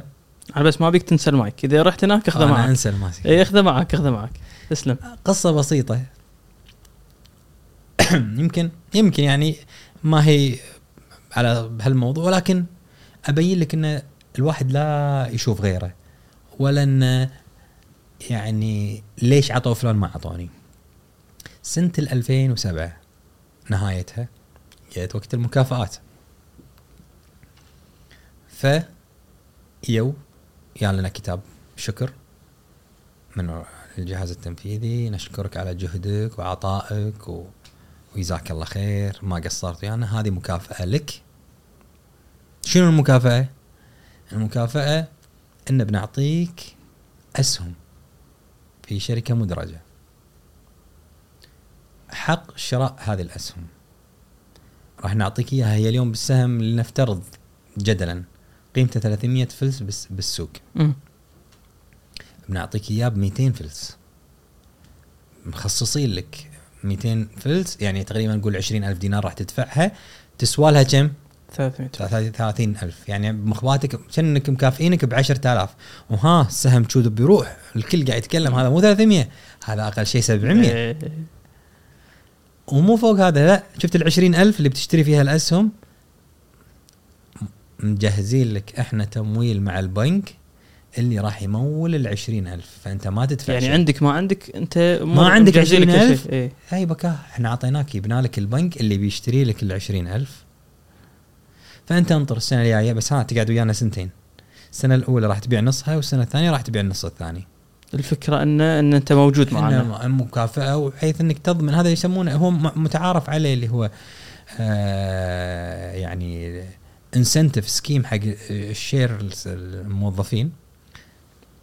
آه خيار الموظفين يسمونه. اللي هو إنه يعطون موظفين مكافآت أو أسهم لضمان بقائهم في في الشركة. يستحقون بعد يستحقون. على فترات محددة. فهذا كان مكافأة. جاي كتاب رسمي وشهادة تقدير و... في ذاك الوقت زعل البعض إن شلون مكافئين فلان مو مكافئين فلان أو شلون مكافئين فلان ومخليني. يمكن البعض يمكن قدم استقالته ومشى من هالسالفة؟ إي شلون تكافئون فلان وتخلوني؟ إحنا نفس الليفل. أنا أقدم منه بالشركة. شلون؟ سبحان الله. هذا الحكي بداية 2008 على نتائج 2007 دشينا أزمة 2008 2008 أبو 300 فلس كم صار سعره؟ صار سعره 100 فلس. ياك البنك تعال. أنا معطيك تمويل. أنا معطيك من 20 من 20000 تعال ادفع لي 10000 ليش ادفع لك 10000 طبعا هذا أقل واحد تعال ادفع 10000 في بعضهم تعال ادفع 100000 تعال ادفع 50000 تعال ادفع 80000 لأن حصته أكبر. حسيت أكبر اعطى مكافأة أكبر. يعني هو شاطر كل ما اكبر زادت مكافأتك توهقت فيها هذه ها؟ فالسينيورز تعال يبا. مكافأة. تعال تعال مكافأة. عطنا 70000 مالت الب... من وين لي أنا؟ لو أبيعهم بالسوق راح تكونون ستيل تطالبوني 70000 ما لنا شغل فيك. تدفع اللي عليك. أوه. أتذكر وذاك الوقت وجينا كتاب رسمي من البنك انذار للبيت. تسدد اللي عليك. سدد اللي عليك. صفروا حساباتنا. اللي فيه اللي حاط اللي كان باقي له فلوس جمدوها. أنا يعني بعضنا انتبه فطن حولنا بنك ثاني. شلون الحين؟ من وين بندفع؟ أنا مكافئين يعني. إيه. فالموقف اذكره أضحك. إنه واحد من المسؤولين كان مكافئته شوي عالية. فيقول أنا لا ما راح أدفع. إيش هالوهقه إيش ما راح أدفع أنا مكافئيني أروح أدفع. أنا بدش السجن. يا ابن الحلال. والله بدش السجن شنو؟ زين ليش بدش السجن؟ يقول عادي أنا الحين يمي واحد آه، بيع دمونه وواحد مخدرات وأنا إذا سألني مال المخدرات إيش جايبك؟ له والله كافيني مكافئيني الشركة أعطيني مكافأة. مكافاتي هي اصب يمك وفعلا يعني هذا صار الأمر وتمت مشاكل على هذا الموضوع المكافأة وشلون تسكرها واندفعت يعني بالنهاية غصبا علينا يعني. طلعت من جبودنا ولكن ليش أقول لك هذه القصة كلها؟ انه سبحان الله ما تدري وين الخيرة. لا تحط اليوم تزعل على انه والله ليش عطوا فلان وعطوا فلان. ما تدري وين الخيرة وما تدري الله إيش كاتب. يعني حق كل واحد. نرجع هني حق 2008 يعني هني نرجع تكلمنا عن موضوع تأسيس الشركات شلون قاعد يتحرك وشلون كان يعني سرعة التسويق وسرعة وقلنا هذه المشاهدة في موضوع إن المكافآت كانت أيضا عالية. أنا سمعتها يعني أنا سمعتها لأن وايد أحب أسمعها أنا هذا مالت الموظفين واحد اشياء اسمعها ما أدري صدق ولا لا إنه يعني حتى البنوك كان في شركة من الشركات اللي وايد مسوية زي قبل 2008 انه دشوا جماعة الشركة الفلانية فهذول كان معروف إن يدشون بجناط cash bonus يعني أنا كان ودي أعرف حتى على مستوى الموظفين يعني مو مو أنا هذا صراحة ما شفتها يعني أنا ما ما شفت شيء كذي. كانت في مكافآت تسمع بأرقام عالية لمكافآت تسمع. وإحنا بالنسبة بالنسبة لنا أنا كنت أنا قلت لك يعني 2008 كان صار لي ثلاث سنين. صاير لي ثلاث سنين في الشركة. فأنا ما قربت صوب ال ما يعرف. ال- يعني ذاك الأرقام هذه. أه، و- بس من الأمور أتذكر يعني أعطيك مشاهدتين. أن أحد الشركات إذا ما خاب ظني قالوا كنا نسمع أن أثثوا دورهم مسوين دور أو دورين في أحد الأبراج الجديدة ذاك الوقت بمليون دينار أخ. في ذاك الوقت يعني مليون دينار تنقط على أثاث وفرنتشر كانت بالنسبة لنا موضوع مو هين مم. طبعا هي في ذاك الوقت عاد تسمع إن جايبين الطاولة من ما أدري وين وجايبين البيبان ما أدري وين و... وهذه قيس عليها شركات كثيرة أكثر من شركة مقراتها بدات خلينا نقول تتغير تتغير إيه. ويصير في لكجري أكثر في موضوع ال- المقرات. من الأمور كذلك في ذاك الوقت في موضوع ال يعني من الدروس صراحة إن في ناس وايد كانت عندها ما أدري هل هي سياسة استثمارية أو يمكن لأن هم قطاعهم يحتاج شيء شيء ولكن كثرة الظهور الإعلامي يعني ما تطوف الجريدة يوم يومين إلا تشوف خبر عن الشركة هذه ما يطوف يومين ثلاثة إلا سامع خبر طبعا هي لها قد يكون انه جزء من الماركتينج انه بالنهاية تبي تستقطب رؤوس أموال قد يكون جزء منها ولكن هم هذه سلاح ذو حدين لما طاح مم. الطيحة مالته تصير شايدة لأن أنت كل يوم أنت قاعد تطلع لنا إن أنت أحسن. واحد بالعالم إيش صاير فيك؟ مم. فهذه من الأمور المشاهدات كانت في ذاك الوقت تسمع أخبار أكثر عن الشركات يوميا يعني أخبار الشركات وأرباح الشركات وبيعة الأصل الفلاني وإن رسل المناقصة الفلانية أو إن اليوم عندها بتسوي المدينة اللي ما أدري شنو في ال... هذه تسمعها بشكل يومي ولا تهزك مم. ابدا يعني كذلك في من الأمور إن التفاخر خلينا نقول في موضوع إن إحنا اليوم هني عندنا المقر الفلاني في دبي عندنا التأسيس الفلاني في الدولة الفلانية أنا أحس كذي صار يعني صار شاحط يعني إلى حد ما إلى حد ما صار في يعني خلينا نقول يمكن أشوفها انه يعني كل واحد قاعد يتباهى في تواجده الإقليمي أو العالمي إن أنا موجود هني. ولو كان ماله مردود يمكن صح؟ يعني ما أدري صراحة قد يكون إيش كثر له مردود ما أدري ولكن آه، وقت الطيحة يعني تعوروا وايد من الدروس خلينا نقول أن يعني أغلب الدول اللي تم الاستثمار فيها أغلب الدول اللي استثمرنا فيها بشكل عام أغلب الكويتيين انقرصوا فيها يعني يعني ومردك حق الاستثمارات اللي في ديرتك. الاستثمارات اللي تحت عينك هي اللي خلت الواحد آه، أقول لك قبل شوي أنا عندك مشكلة في الاستثمار الفلاني دقيت سيارتك سلف ورحت. شفت القصة إيش صاير. صح. أو عندك مشكلة رحت قابلت المسؤول الفلاني حاولت تحلها. في دول ما فيها الكلام ما تقدر. زين آه فالأمور صعبة جدا. ال- البيئة الاستثمارية ما هي جيدة في كثير من الدول المنطقة. وكان في أمرين صراحة مهمين. كان عندنا الثقة شيء عالي جدا جدا جدا. وأنا أعتقد ان هي ما هي ما المفروض أصلا نسميها ثقة لأن هي ما هي ثقة. هذه يعني من الأخطاء الإدارية القاتلة اللي وقعوا فيها كثير من الشركات. كانت تحت مسمى الثقة. ونقدر نتكلم بعد شوي بأمثلة آه، على موضوع الثقة. والأمر الثاني سرعة خلينا نقول اللهف يعني اللهفة وراء الدول اللي توها يعني بتطلع. يعني العراق كان توه قاعد يش... عقب 2003 عقب ال 2000 و... بال 2000 وخلينا نقول ثلاثة عقبها بدأت تتحرك العراق. كان هني بال 2005 2006 هبة من الجهات الكويتية إنها تروح تستثمر بالعراق. كذلك بعد ذلك ترى الناس راحوا ليبيا عقب ما وناس راحوا آه يعني ليبيا وسوريا و, و اليمن. ترى هذه كلها دول. الله على هالدول نعم نعم نعم راح. ترى في استثمار صار في فلسطين في ذاك الوقت. يعني أنا أتذكر أحد الشركات طرحت المنتج انه استثمار في فلسطين. فالقصد إن الناس كانت تونس المغرب هذه ترى كل الدول تغطت الجزائر يعني الدول هذه الكويتيين راحوا استثمروا فيها.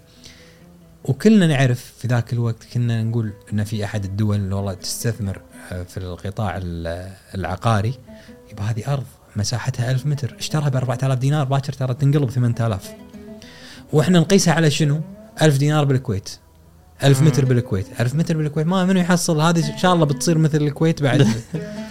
ف وروح. ما يدرون إن هذه ال 4000 اللي هناك قاعد تنباع عليك 4000 هي أصلا ما تسوى لها 1000 مم. قاعد يبيعونها عليك بأربعة مثلا مع فارق التشبيه. القصد أنه كانت فلوس متوفرة والناس تبي أي فرصة آه، تضارب فيها. جدد شكر لشركة حسابي لرعايتهم لهذا البودكاست. اليوم شركة حسابي توفر خدمات لأي صاحب business سواء كان صاحب business صغير متوسط business آه، عنده في البيت آه، يوفرون لكم application تقدرون عن طريقه تبعثون لعملائكم آه، روابط آه، واتساب أو مسجات ويدفعون عن طريقهم وتحصلون أموالكم. آه، وأي أحد حاب إنه يعرف أي معلومات زيادة أو يتواصل معاهم معلومات موجودة في الديسكربشن تحت. كنا قاعد نتكلم عن موضوع الثقة الزايدة. في ذاك الوقت كانت منتشرة بشكل كبير يعني لا تنسى. موضوع أنه يعني الاستثمار بشكل شبه عمياني إذا صح التعبير. أتذكر أن في أحد الاستثمارات تم الاستثمار بمبلغ كبير جدا يعني خلينا نقول يقارب ال 40 مليون دينار more or less في استثمار معين عقاري. وتم تسويقه على أنه استثمار عقاري ليش؟ بهالمكان المميز بالعائد المميز لأن المطار بيفتح الحين يمه والمطار على بعد لنفترض خمسة كيلو منه مم. بالتالي لقطة هذا لقطة مثلا يعني. من صح يعني المثال في أمور كثيرة خلينا نقول مش- مشابهة.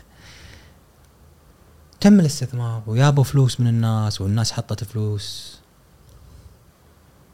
تستوعب عقب إنه ما راحوا شافوا المبنى. ولما تروح تشوف المبنى تلقى إنه فعلا هو على الخريطة خمسة كيلو. بس ما في شارع يودي خمسة مم. كيلو. الشارع عبارة عن 40 كيلو عشان. توصل مثلا. مثلا. ف كان الناس ماشيه على الثقة لأن اي جايب هذا هو اللي جايب لنا العقار. وهو اللي قال لنا هو اللي كان شاريه. هو اللي حاط فيه وهو اللي. فهذه من الأمور. هذا وقس عليها يعني. اتذكر يعني مثلا استثمار إذا كان مثلا في دول ما تقدر تدخلها يعني العراق ما كنا نقدر ندخل العراق. في ذاك الوقت الأمور مشعللة يعني. و يابوا ال team هني يتدرب. أوكي. اللي موجود مكتب العراق أبو يعني يعني هذا على كان أساس إنه تأسيس ال... تدربوا هني. راحوا. بس بالنهايه ال daily operation أنت مالك آه، أوكي تشوف معلومات تجيك بين فترة وفي تقارير معينة بس أنت في بنوك وتعاملات وتأسيس ما تكون هناك صار ذاك الوقت حتى الروح حق العراق ثقيلة يعني مم. من يروح العراق؟ يروح؟ يعني اللي يروح محمد يروح بر ولا بر ولا طيران؟ رحت طيران رحت أربيل فوق كلش فوق كلش ف فترة من فترات صرت أنا موجود وكنت أروح رايح راد على أربيل طبعا لما تروح هذا عقب عقب الطيحة قبل الطيحة. هذا بال 2010 مم. 2010 2011 أتوقع. ف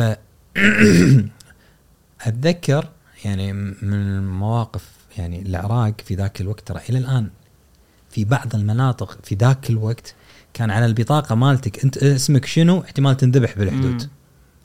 لهالدرجة في بعض المناطق في العراق. فالموضوع ما هو سهل إنك تروح تتعايش مع هالوضع. أتذكر مرة من المرات كان أحد أعضاء هو ما مالك رئيسي في المصرف. المصرف اللي أسسته أنت هناك. اللي كان إحنا مستثمرين معاهم. طبعا إحنا طلعنا وحطينا اس- استقالة مسببة يعني. أتذكر في أحد الاجتماعات يحضر وياك محطوط الفرد يعني حاط الفرد وياك. آه إي فيعني أتذكر كنا نطلع حق بعض الاجتماعات. عشان تصوت ضده تخيل هذا أنا طلعنا عازمنا على الغداء زين. مطلعنا بسيارة مصفحة لأن هذا مطلوب دمه من كل الطوائف بالعراق. كل طائفة مستحلة دمه. فالحين أنا طالع وياه بالسيارة واللي قاعد يسوق ما شاء الله ما شاء الله واحد لا إله إلا الله يفصل عشرة مني مم. على السكان كذي. وايده مشققه فأنا أقول له يعني أنا عارف بعد إحنا اللي قافه كان أقول له عسى ما شر إيش في إيدك؟ كان يقول لي آه، لا أنت ما عرفت منو أنا؟ كان أقول له لا والله ما أعرف. كان يقول أنا البطل الفلاني بطل بالمصارعة الصينية أو قاعد يقول أنا أيام أنا كنت بطل العراق مشارك باولمبياد على قولته أتلانتا. إيه. فكان رايح اولمبياد أتلانتا. إيه. يقول وانا هناك بالأولمبياد مع الوفد على قولته الوفد. قلت لهم تصدقون أنا لو هني بأمريكا وكان قدروني وأعطوني والله شكلي باخذ الجرين كارد وبقعد ومن هالكلام هذا. ما يمشي الحكي يقول ليلتها ما بتت بالفندق. يقول ليلتها ما بتت. يقول خذوني ودوني من المطار على عمان في الأردن. يقول وركبوني كارجو الكارجو اللي هو يقول ركبوني كارجو معاه مكرمين السامع معاه كلاب جياع. يقول حطوني مع كلاب جياع ورا وهدوهم علي. ويقول ليه بغداد؟ وحطوني في سجن اللجنة الأولمبية عندهم اللجنة الأولمبية فيها سجن بالسرداب. فيقول حطوني فيه فهذا اللي قاعد يسوق التاكسي مالنا. فأنا هني عقب هذا آخر اجتماع حضرته هناك. توبة. توبة بعد. هذا جايب فرده وهذا فيعني صعوبة الوصول حق حق استثمارك ومتابعتك للدقيقة أكيد هذا تشالنج رئيسي. غير أن الممارسات اللي تصير هناك وال- والأوضاع الغير مستقرة في بعض البلدان آه يعني البيئة الاستثمارية هذه very very very high risk صراحة. فيعني أعتقد هذه من الدروس اللي مرينا فيها أنه وين تستثمر و...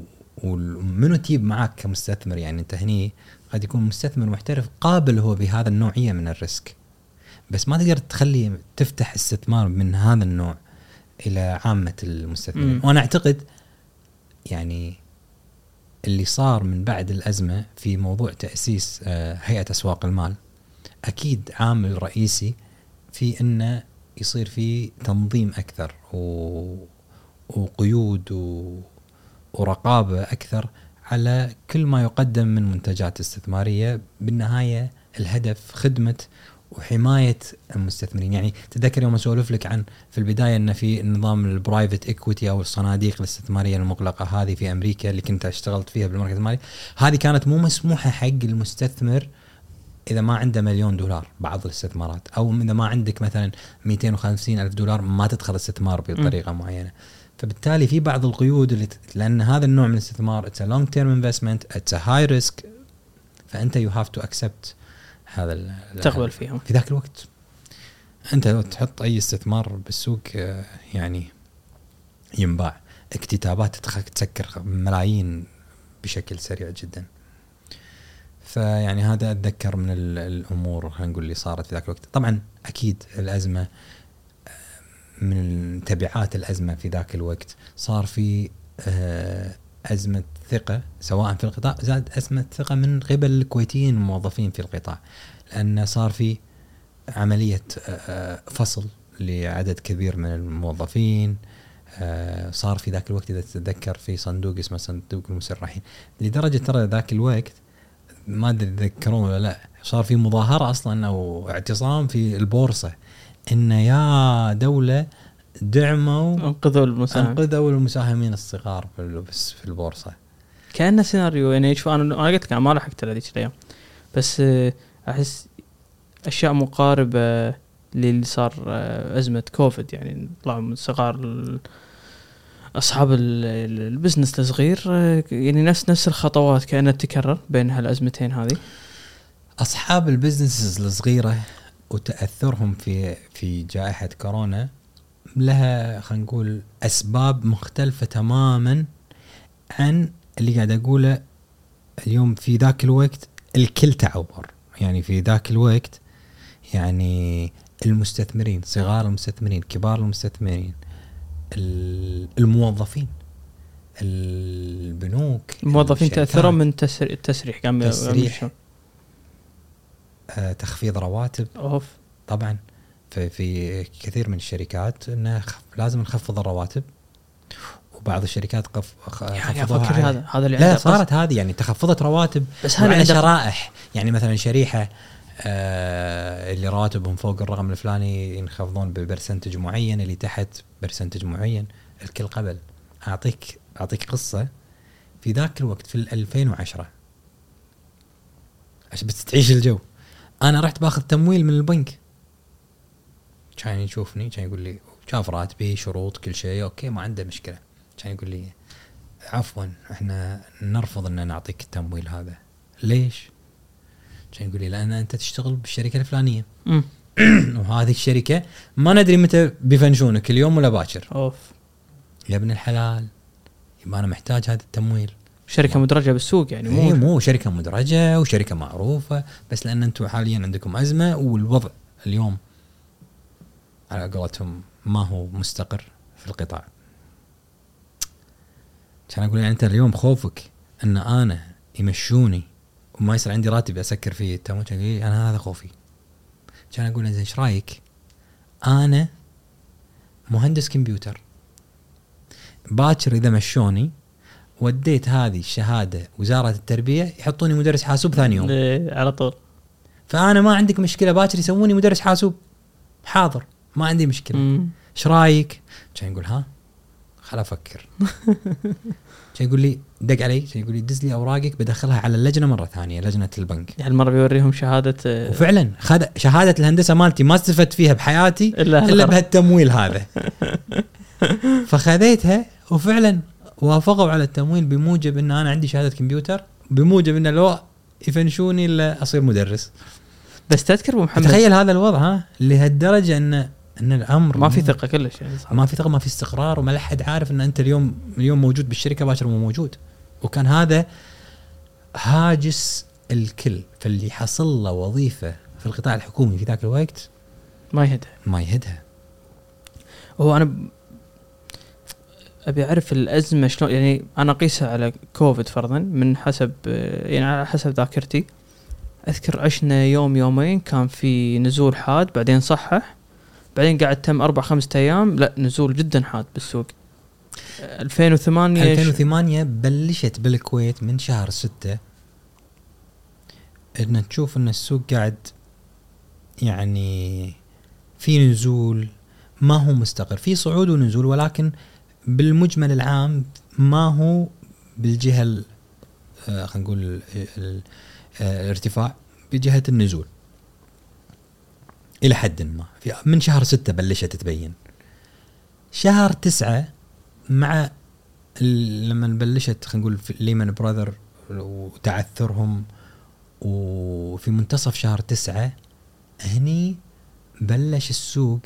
لا. من تفتح السوق ما تلقى ولا سهم تخيل الشاشة مو في الأكثر ارتفاعا ما تشوف ولا واحد ولا أكثر واحد. ارتفاعا. ماكو. وتمت بالأيام بالأيام بالأيام روح يعني. نزيف. نزيف. نزول نزول نزول نزول يعني يعني آه، لحق لا تلحق إنك تبيع. لأن أنت اليوم تروح بالحد الأدنى إذا قدرت تبيع على الحد الأدنى لح- لحقت. ما لحقت خلاص انطر باكر الحد الأدنى. انطر باكر الحد الأدنى مم. انطر باكر الحد الأدنى والكل مو عارف القاع وين مم. طبعا في ذاك الوقت أوكي هذا عملية تصحيح بينزل بشكل بسيط وهذه مت... ولكن صار كانت الأزمة أكبر بكثير من النزلة هذه وتمت خلينا نقول تبعاتها إلى مدة كبيرة. بعد ذلك يعني كان في دور كبير يعني في ذاك الوقت يعني هم لازم تفهم الوضع. البنك المركزي اشتغل على أنه يصدر موضوع قانون الاستقرار المالي. وأنا أعتقد أن هذا القانون إحنا مشكلتنا في الكويت يعني لما تدخل السياسة في الجوانب الفنية قد يعني تغلب آه، آراء معينة على الرأي الفني. وهذا الأمر ما هو صحيح. يعني المفروض إنه يترك المجال للمتخصصين. فقانون مثل هذا يعني في أمريكا في دول الخليج. إيش كان يقول القانون بشكل مختصر؟ أعطيك أنا بس الجانب الخاص بالاستثمار.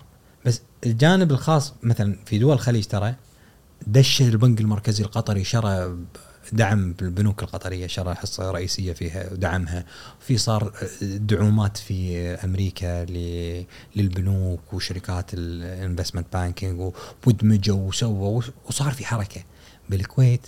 كنا نسمع إن اليوم ترى بتدخل المحفظه كان هذا ال- اليوم تدخل محفظة الهيئة بيشترون أسهم. اليوم بتدخل عشان يوازنون شوي يوقفون قدروا، النزيف. يعني وتسمع. اليوم ترى بالمنتديات تروح تقرأ ترى باكر بيدشون على السهم الفلاني.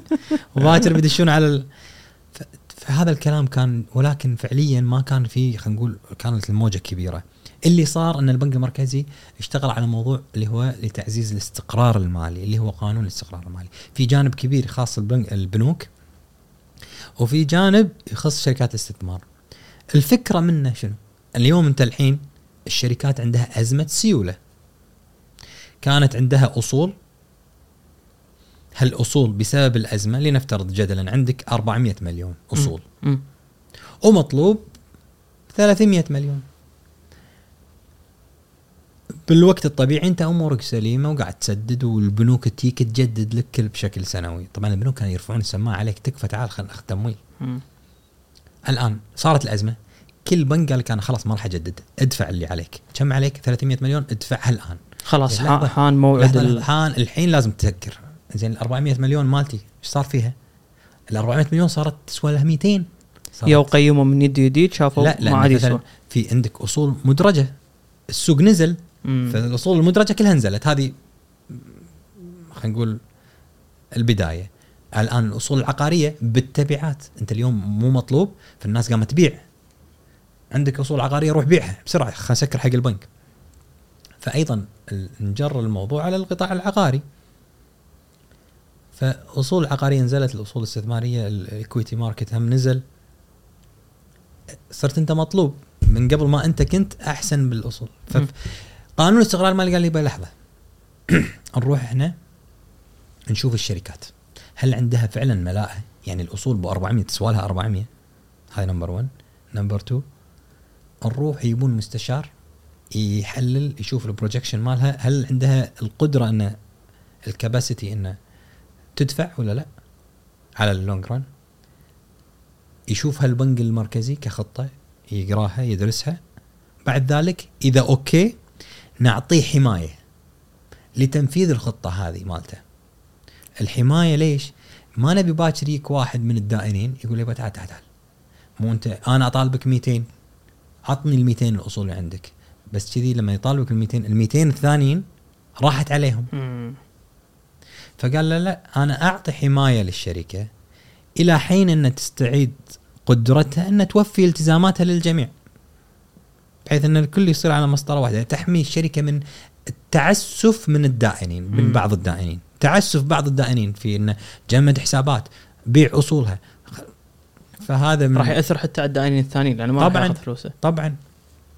فصارت يعني هالقانون اللي أصدر؟ طبعا في ذاك الوقت عاد لما تروح تقرأ الجوانب السياسية فيه عاد هذا تنفيع ولا هذا ما؟ يعني مم. كل واحد يقراها بطريقة معينة، ولكنها باختصار هي هي حماية إلى أن الواحد يتعافى ويسكر اللي عليه.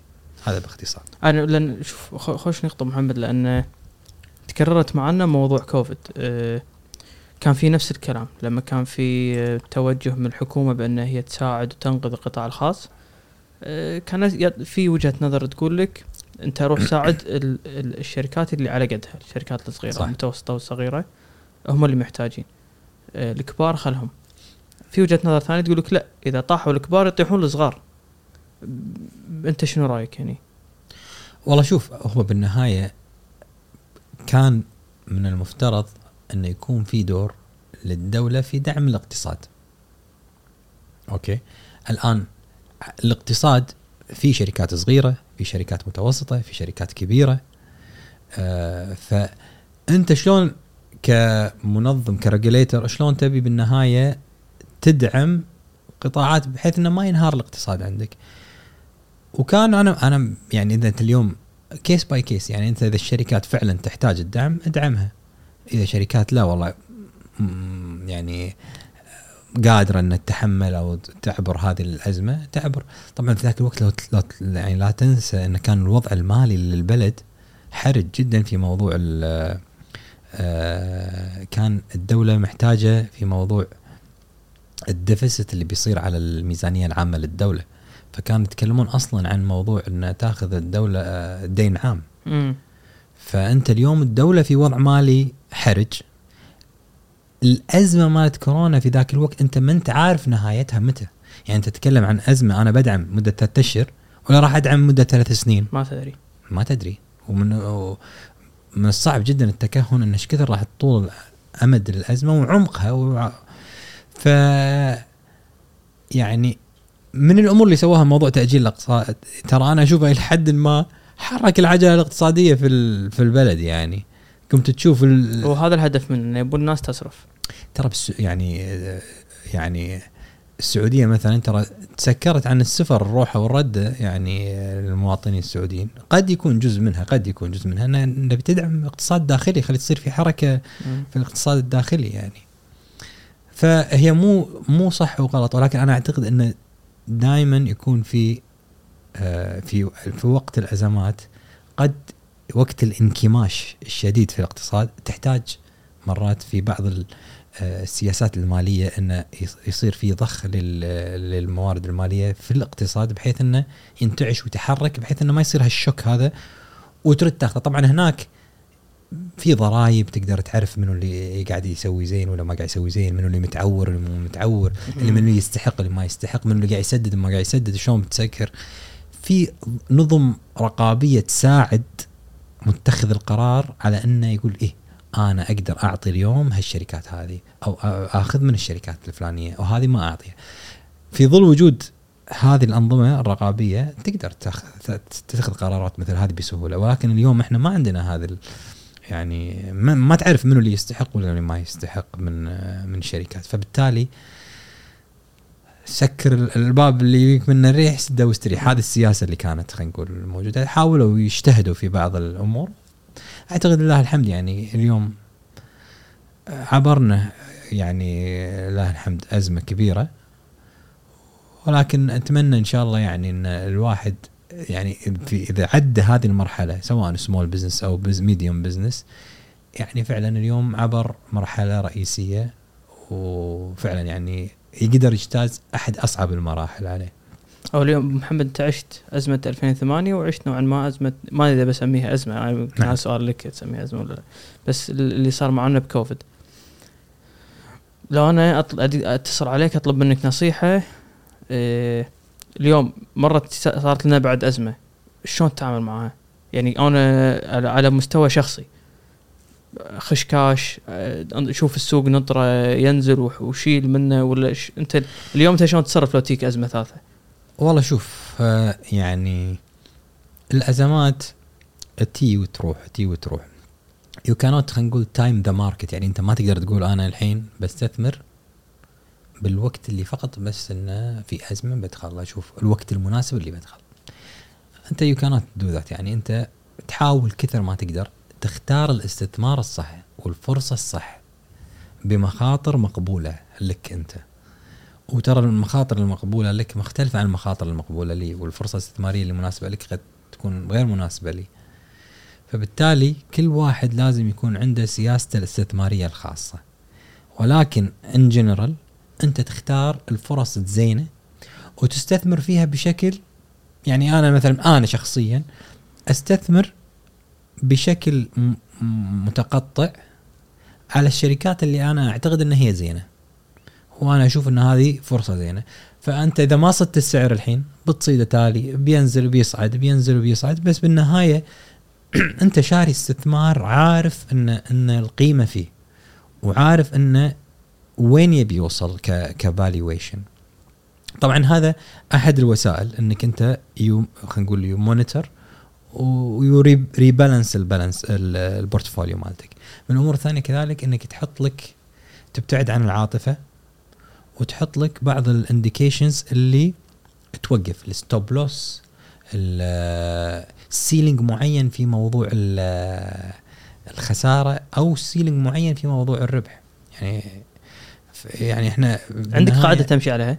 أنت شخصيا؟ إيه؟ لا والله ما أنا بالنهاية يعني الاستثمار الزين مستثمر فيه ومخليه بس ما عندك بنش مارك يعني في ناس يقول لك أنا عندي طول عمري عندي قاعدة السهم خسرت منه فرضا فوق 30% خلاص. أنا ما ما, قاعد أسوي هذه القاعدة صراحة. أنا شخصيا على المستوى الشخصي هني نرجع حق كل واحد وشنو اهتماماته وطموحاته ووين يبي يوصل. فأنت هم لازم تعرف كل stage بحياتك شنو ال targets اللي تبيها. وكل stage بحياتك شنو الاستثمار اللي تبيه وتحققه. اليوم أنا عن شخصيا يعني أنا في مرحلة ان أقدر آخذ مخا- مخاطر شوية أعلى. من قبل عشر سنين معنى قبل عشر سنين لأن أنا كنت ناوي أسوي مشروع معين وسويته ولله الحمد فكنت قاعد أجمع له. ولكن going forward ترى قريب التقاعد ما تقدر تاخذ هذا ال risk. في في في أمر مهم جدا في الاستثمار. أنت في بداية وظيفتك آه، فعليا كأنك أنت آه، bond يعني استثماراتك كأنها استثمارات ثابتة. ليش؟ لأن أنت عندك كل شهر قاعد يجي لك salary مم. لنفترض ألف دينار كل شهر. ألف ألف ألف ألف ألف. ثابتة ما فيها risk عالي risk الوظيفة بس شبه كأنها حاط وديعة مم. قاعد تعطيك عائد ثابت. هذا بدايتك. وتجمع تجمع تجمع تجمع لما قاعد تجمع الفلوس هذه قاعد تستثمرها. يفترض إن في بدايتك كل فلوسك قاعد تستثمرها في الايكوتي في الأسهم. مم. وممكن جزء منها يكون في عالي المخاطر. راح تبني لك ولث. لنفترض خ... أول خمس سنين خسرت كل هالولث هذا. إلا ما عندك مشكلة عندك فترة زمنية للتعويض عمرك في فترة زمنية إنك تعوض لاحقا اللي سويته. هذا الكلام ما ينطبق على كبار السن مثلا لأنه ما يبقى له شيء على التقاعد فما يقدر يعوض الخمس سنين. ما يمدي. ما يمدي إنه يرد يبني من جديد فبالتالي نوعية الاستثمارات اللي لازم يستثمرها وتختلف عن نوعية الاستثمارات اللي أنت اللي تبي تستثمرها أول خمس سنين من ال career مالك. هذه جزئية عامة. going forward يبدي عاد يصير الاستثمارات مالتك هي أكبر من ال- العائد ال- راتبك. عائد الاستثمار شوي- المفروض يصير أكبر من راح يصير أكبر عائد استثمار لأن قاعد تكبر استثماراتك تكبرها فمدخولك يفترض راح يصير واهتمامك في مدخولك اللي جاي من الاستثمار راح يكون أكبر من اهتمامك في الراتب. الراتب. كل هذا ليش قاعد تسوي؟ لأن بتوصل مرحلة أنت عندك التزامات معينة تبي تحافظ عليها لما يكون ما عندك وظيفة. خلاص راح تقاعد شلون راح تقدر تحافظ أنت لنفترض وصلت بعد على قريب سن التقاعد عندك العائلة والترتيب ولنفترض راتبك لنفترض 3000 4000 وتبر الرقم. بالتقاعد التقاعد يعطونك 2000 ولا 2000 وشيء شلون راح تحافظ على ال 4000 أو ال 5000 شلون راح تحافظ عليها؟ مم. فتكون أنت باني محفظة استثمارية معينة حق ذاك الوقت اللي تعطيك عائد شهري يغطي يغطي سواء يكون شهري أو annual بحيث أنك أنت تصرفه بشكل شهري. ف هذا باختصار أنك لما يصير عندك investment policy هذا باختصار لما يصير لما, لما تعمل أمر مثل هذا وتعرف كل التزام متيايك. يعني والله أنا عندي ولدي بيدخل لما يصير عمره 18 بدز جامعة ففي مصروف هالرقم هني لازم أصرفه. هني بشتري بيت لازم المصروف الفلاني. هني بشتري سيارة هني المصروف الفلاني. فهني يصير عندك خطة كاملة. على اساسها تصنف الاستثمارات. الآن الاستثمارات وين تحطها؟ أول مرحلة ممكن تروح تروح تاخذ شيء عالي المخاطر ضرب ضرب. شباب الحين هابين كريبتو. روح. بهالمرحلة.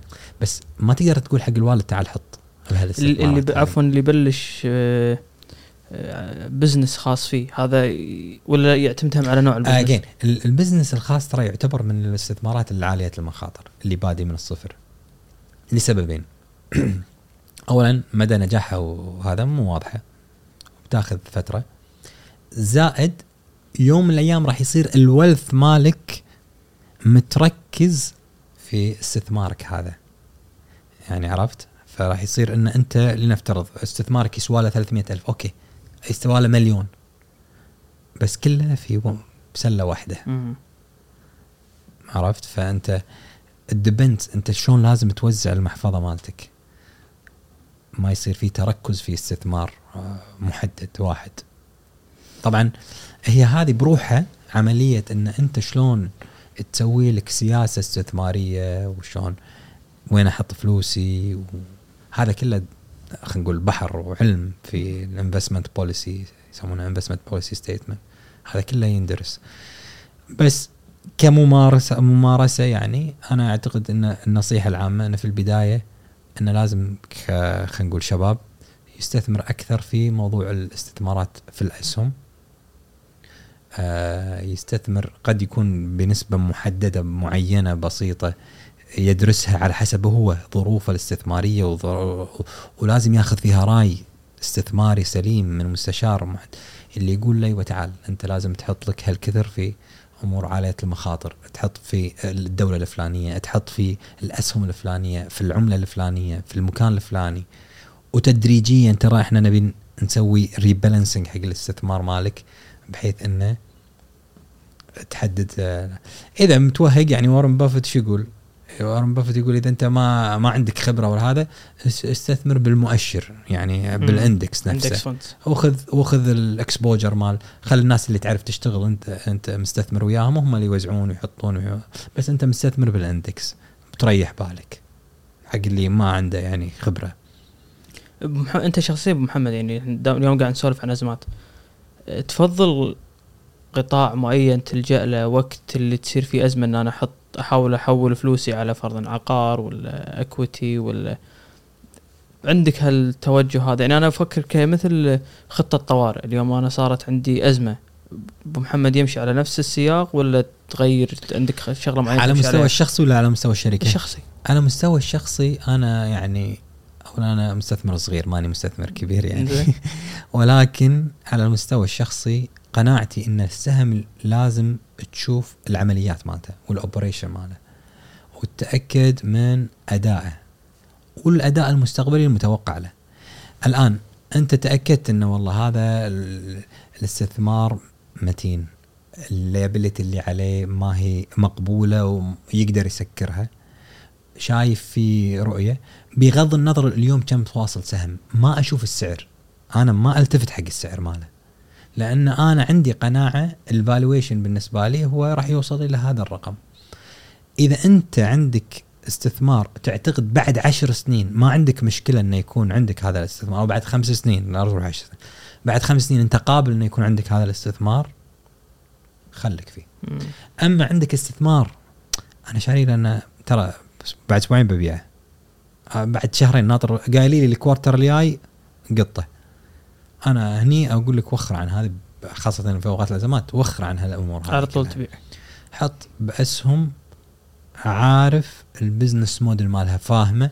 عارف شنو قاعد تسوي عارف شنو الالتزامات اللي عليه خاصة الكاش فلو ماله. مهم جدا تقرأ موضوع البيانات المالية والتدفقات النقدية مالته.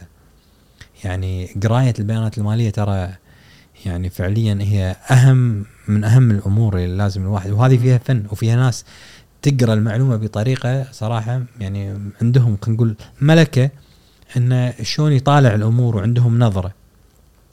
فبالتالي يعني تشوف المعطيات طبعا اللي دار مدارها والله هذا business محتكر هذا business هم اليوم الوحيدين في ال market لو بيش بيش بيصير؟ مردهم الناس بتروح حق يعني market مثل هذا أو product مثل هذا أو منتج مثل هذا أو شركة مثل هذه. فكل هذه الأمور تخليك أنا سياستي اذا استثمار زين مستعد يكون بعد خمس سنين عندك. خله. هلا ولا تشوف السوق. هذه أكبر غلطة صح؟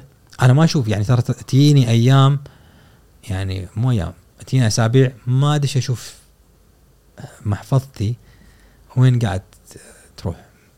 بالمقابل بشكل دوري من اجمع مبلغ بسيط أشيله. ووزعه على نفس الاستثمارات اللي أنا مم. حاطها. أنت على مستوى شخصي أبو محمد آه، إحنا من ساعه سولفنا أو قبل لا نب- نبلش سولفنا عن renewable energy أنت تكلمت إنه في اهتمام كبير بعالم الميديا في ناس تحس إنه هم هو قطاع يستحق يستحق إن الناس تستثمر فيه. شنو تحس آه، أنت قطاع شادك شخصيا تتابعه على مستوى شخصي أنت تتابعه من فترة وفترة يهمك؟ والله شوف الحين يعني موضوع ال ال الاي في والسيارات الكهربائية أكيد اليوم أه أه والطاقة اللي خلينا نقول تجدد متجددة. هذا قطاع مهم. ولكن أنا أعتقد أن من القطاعات أعتقد أن قد يكون في فورة وقد يكون في يعني شيء مخيف اللي هو آه، بال data mining ال data mining أقصد فيها تحليل البيانات والاستفادة منها الاستفادة الحقيقية يعني اليوم قبل الأرشيف عشان تعرف معلومة مثلا المريض الفلاني شنو الدواء اللي خذاه ولا تروح تبطل مستوصف تشوف الأرشيف وتشوف ما أدري شنو عشان تعرف معلومة واحدة. الآن بالتليفون عندك معلومة عن هذا المريض كل ثانية أو. م. كل عشر دقائق عندك معلومة عنه. بس على ذلك كل شيء بحياتنا اليوم كمية كل ما تمسك تليفونك أنت فعليا وديت data. صح. زين هذه ال data شنو مدى خطورتها وشنو مدى إمكانية الاستفادة منها هذا أنا أعتقد بحر و... وراح يكون له يعني يعني اليوم إحنا بمنطقتنا ما ما صار في خلينا نقول تفاعل كبير معه ولكن أنا أعتقد راح يكون. في شركات ترى مهمة في العالم متخصصة في هذا الأمر. جمع ال data. ال data زائد شلون تقرأ ال data. مم. يعني تعرف مثلا إن الكويتيين اللي أعمارهم من كذي لكذي باليوم الفلاني يأكلون مثلا في المطعم الفلاني أو يشترون من البضاعة الفلانية. في فيلم اسمه minority interest إذا ما خاب ظني. لا عفوا. minority interest balance sheet إحنا رحنا صوب الاستثمار اسمه آه نسيت اسمه. نسيت اسمه والله. documentary ولا لا لا لا فيلم؟ فيلم. هذا ها؟ ال Minority Report. جزاك الله خير. ال Minority Report فيلم ال Minority Report ترى لو ترد تشوفه راح تشوف في بعض الأمور اليوم قاعد نشوفها. يعني هو حركة الموضوع ال iPad شلون كان يحرك الشاشة بطريقة معينة كنا شلون شي قاعد يحرك؟ لا لا. كنا نشوفه بس بالأفلام. مم. اليوم ال iPad أنت تسويها زي الورد. هذه نقطة. النقطه الثانية كان يتكلم عن السيارات الكهربائية. كان يركب سيارة وتتحرك فيه وتوديه وتجيبه. هذه الحين إحنا قاعد نشوفها. الأمر الثالث اللي سواه بالفيلم أتذكر اللقطة كان داش محل هدوم. فقال له هلا. أول ما دش كان يقول له هلا فلان شلونك اليوم؟ المرة اللي طافت يوم جيتنا أنت كنت مريض. وكان وزنك ذاك الوقت كذي. الحين إحنا أنت شريت ذاك الوقت كذي إيش رأيك تشوف الشغلة الفلانية؟ اللبس الفلاني أنا أشوف إنه يلوق لك. ترى منزلين هذا عليه خصم في الشغلة الفلانية. هذه القراءة عنك. لما اليوم يعني مرات أنت تقول أخي شلون هذا إنستغرام؟ دش عرف إن أنا أبي أشتري الشغلة الفلانية. صح. هذا بحر وهذا عالم وهذا في كمية شغل وإمكانية للاستفادة منه. آه يعني شيء خطير. وفي فيلم بنتفلكس دوكيومنتري آه كامبريدج شيء نسيت اسمه. عن, عن آه، شركة اسمها كامبريدج اللي ببوسطن. ما اللي عندهم الكلب انت بكرامة لا، لا، لا. روبوت لا لا لا. عرفت عبد العزيز؟ هذا من. الأفلام ال documentary الممتعة. لأنه كان قاعد يتكلم شلون استخدموا ال data والدخول في ال data والاستفادة منها لتوجيه الانتخابات بأمريكا, إيه بأمريكا. إيه صح صح إيه، بس أنت إذا عندك هالايمان شخصيا عندك هذا الإيمان إن هذا قطاع هذا قطاع جاي هذا قطاع اي ذا جريت هاك ذا جريت. هاك اذا قريت هاك بشوف هذا بس إذا أنت عندك هذا. هذه القناعة إن هذا قطاع جاي بقوة على مستوى الشركة الاستثماريه بالكويت شلون تقدر تستفيد منه يعني تستثمر بديك الشركات ولا تحاول أنت تجمع داتا عندك بالكويت ولا شلون تستفيد منه؟ والله في من ناحيتين وهذا شفته يعني يعني قاعد يعني أنا يعني شفته على صعيد مع مجموعة من الأصدقاء إن شلون ممكن يكون في شيء من هذا القبيل يستفيد من الداتا اللي موجودة في الريجن والتعامل معاها وت- وتبيعها فهذا يعني أمر يتم النقاش فيه داخليا بيننا يعني. مم. الأمر الثاني إنك تستثمر وأنا مستثمر في أحد الشركات اللي متخصصة في هذا المجال. مم. ولكن على مستوانا إحنا كشركة اجين هو يعتمد على ال policy مالتك كشركة اليوم. هل أنت في stage إنك تبي تستثمر في هذه القطاعات في هذا التوقيت؟ إحنا م- اليوم في شركتنا قاعد نحاول كثر ما نقدر إن نعيد ال rebalancing مال المحفظة مالتنا أكثر. ونعيد خلينا نقول باتجاه شيء بالعقار وشيء بالأسهم ولكن ليحفظ توازن وليس لأخذ مخاطر عالية. أنا اليوم في مرحلة من العمر اللي ممكن أروح أخذ هذا الستيج وأخذ هذا الاستثمارات هذه. أنا أسف. لا لا خذ راحتك خذ راحتك أنا بس. محمد أنا ودي أكمل معاك جزء ثاني بس ضقنا الوقت فمشكور مشكور على وقتك مبارك. ما قصرت ما قصرت الله. جزاك الله خير اسمح لنا علي طالع. لا فعليك والله بس آه، إن شاء الله نشوف نضبط معاك آه، بعد قعده ثانية صارت سبع ونص صراحة ما, ودي اخرك مع إنه شاء في الله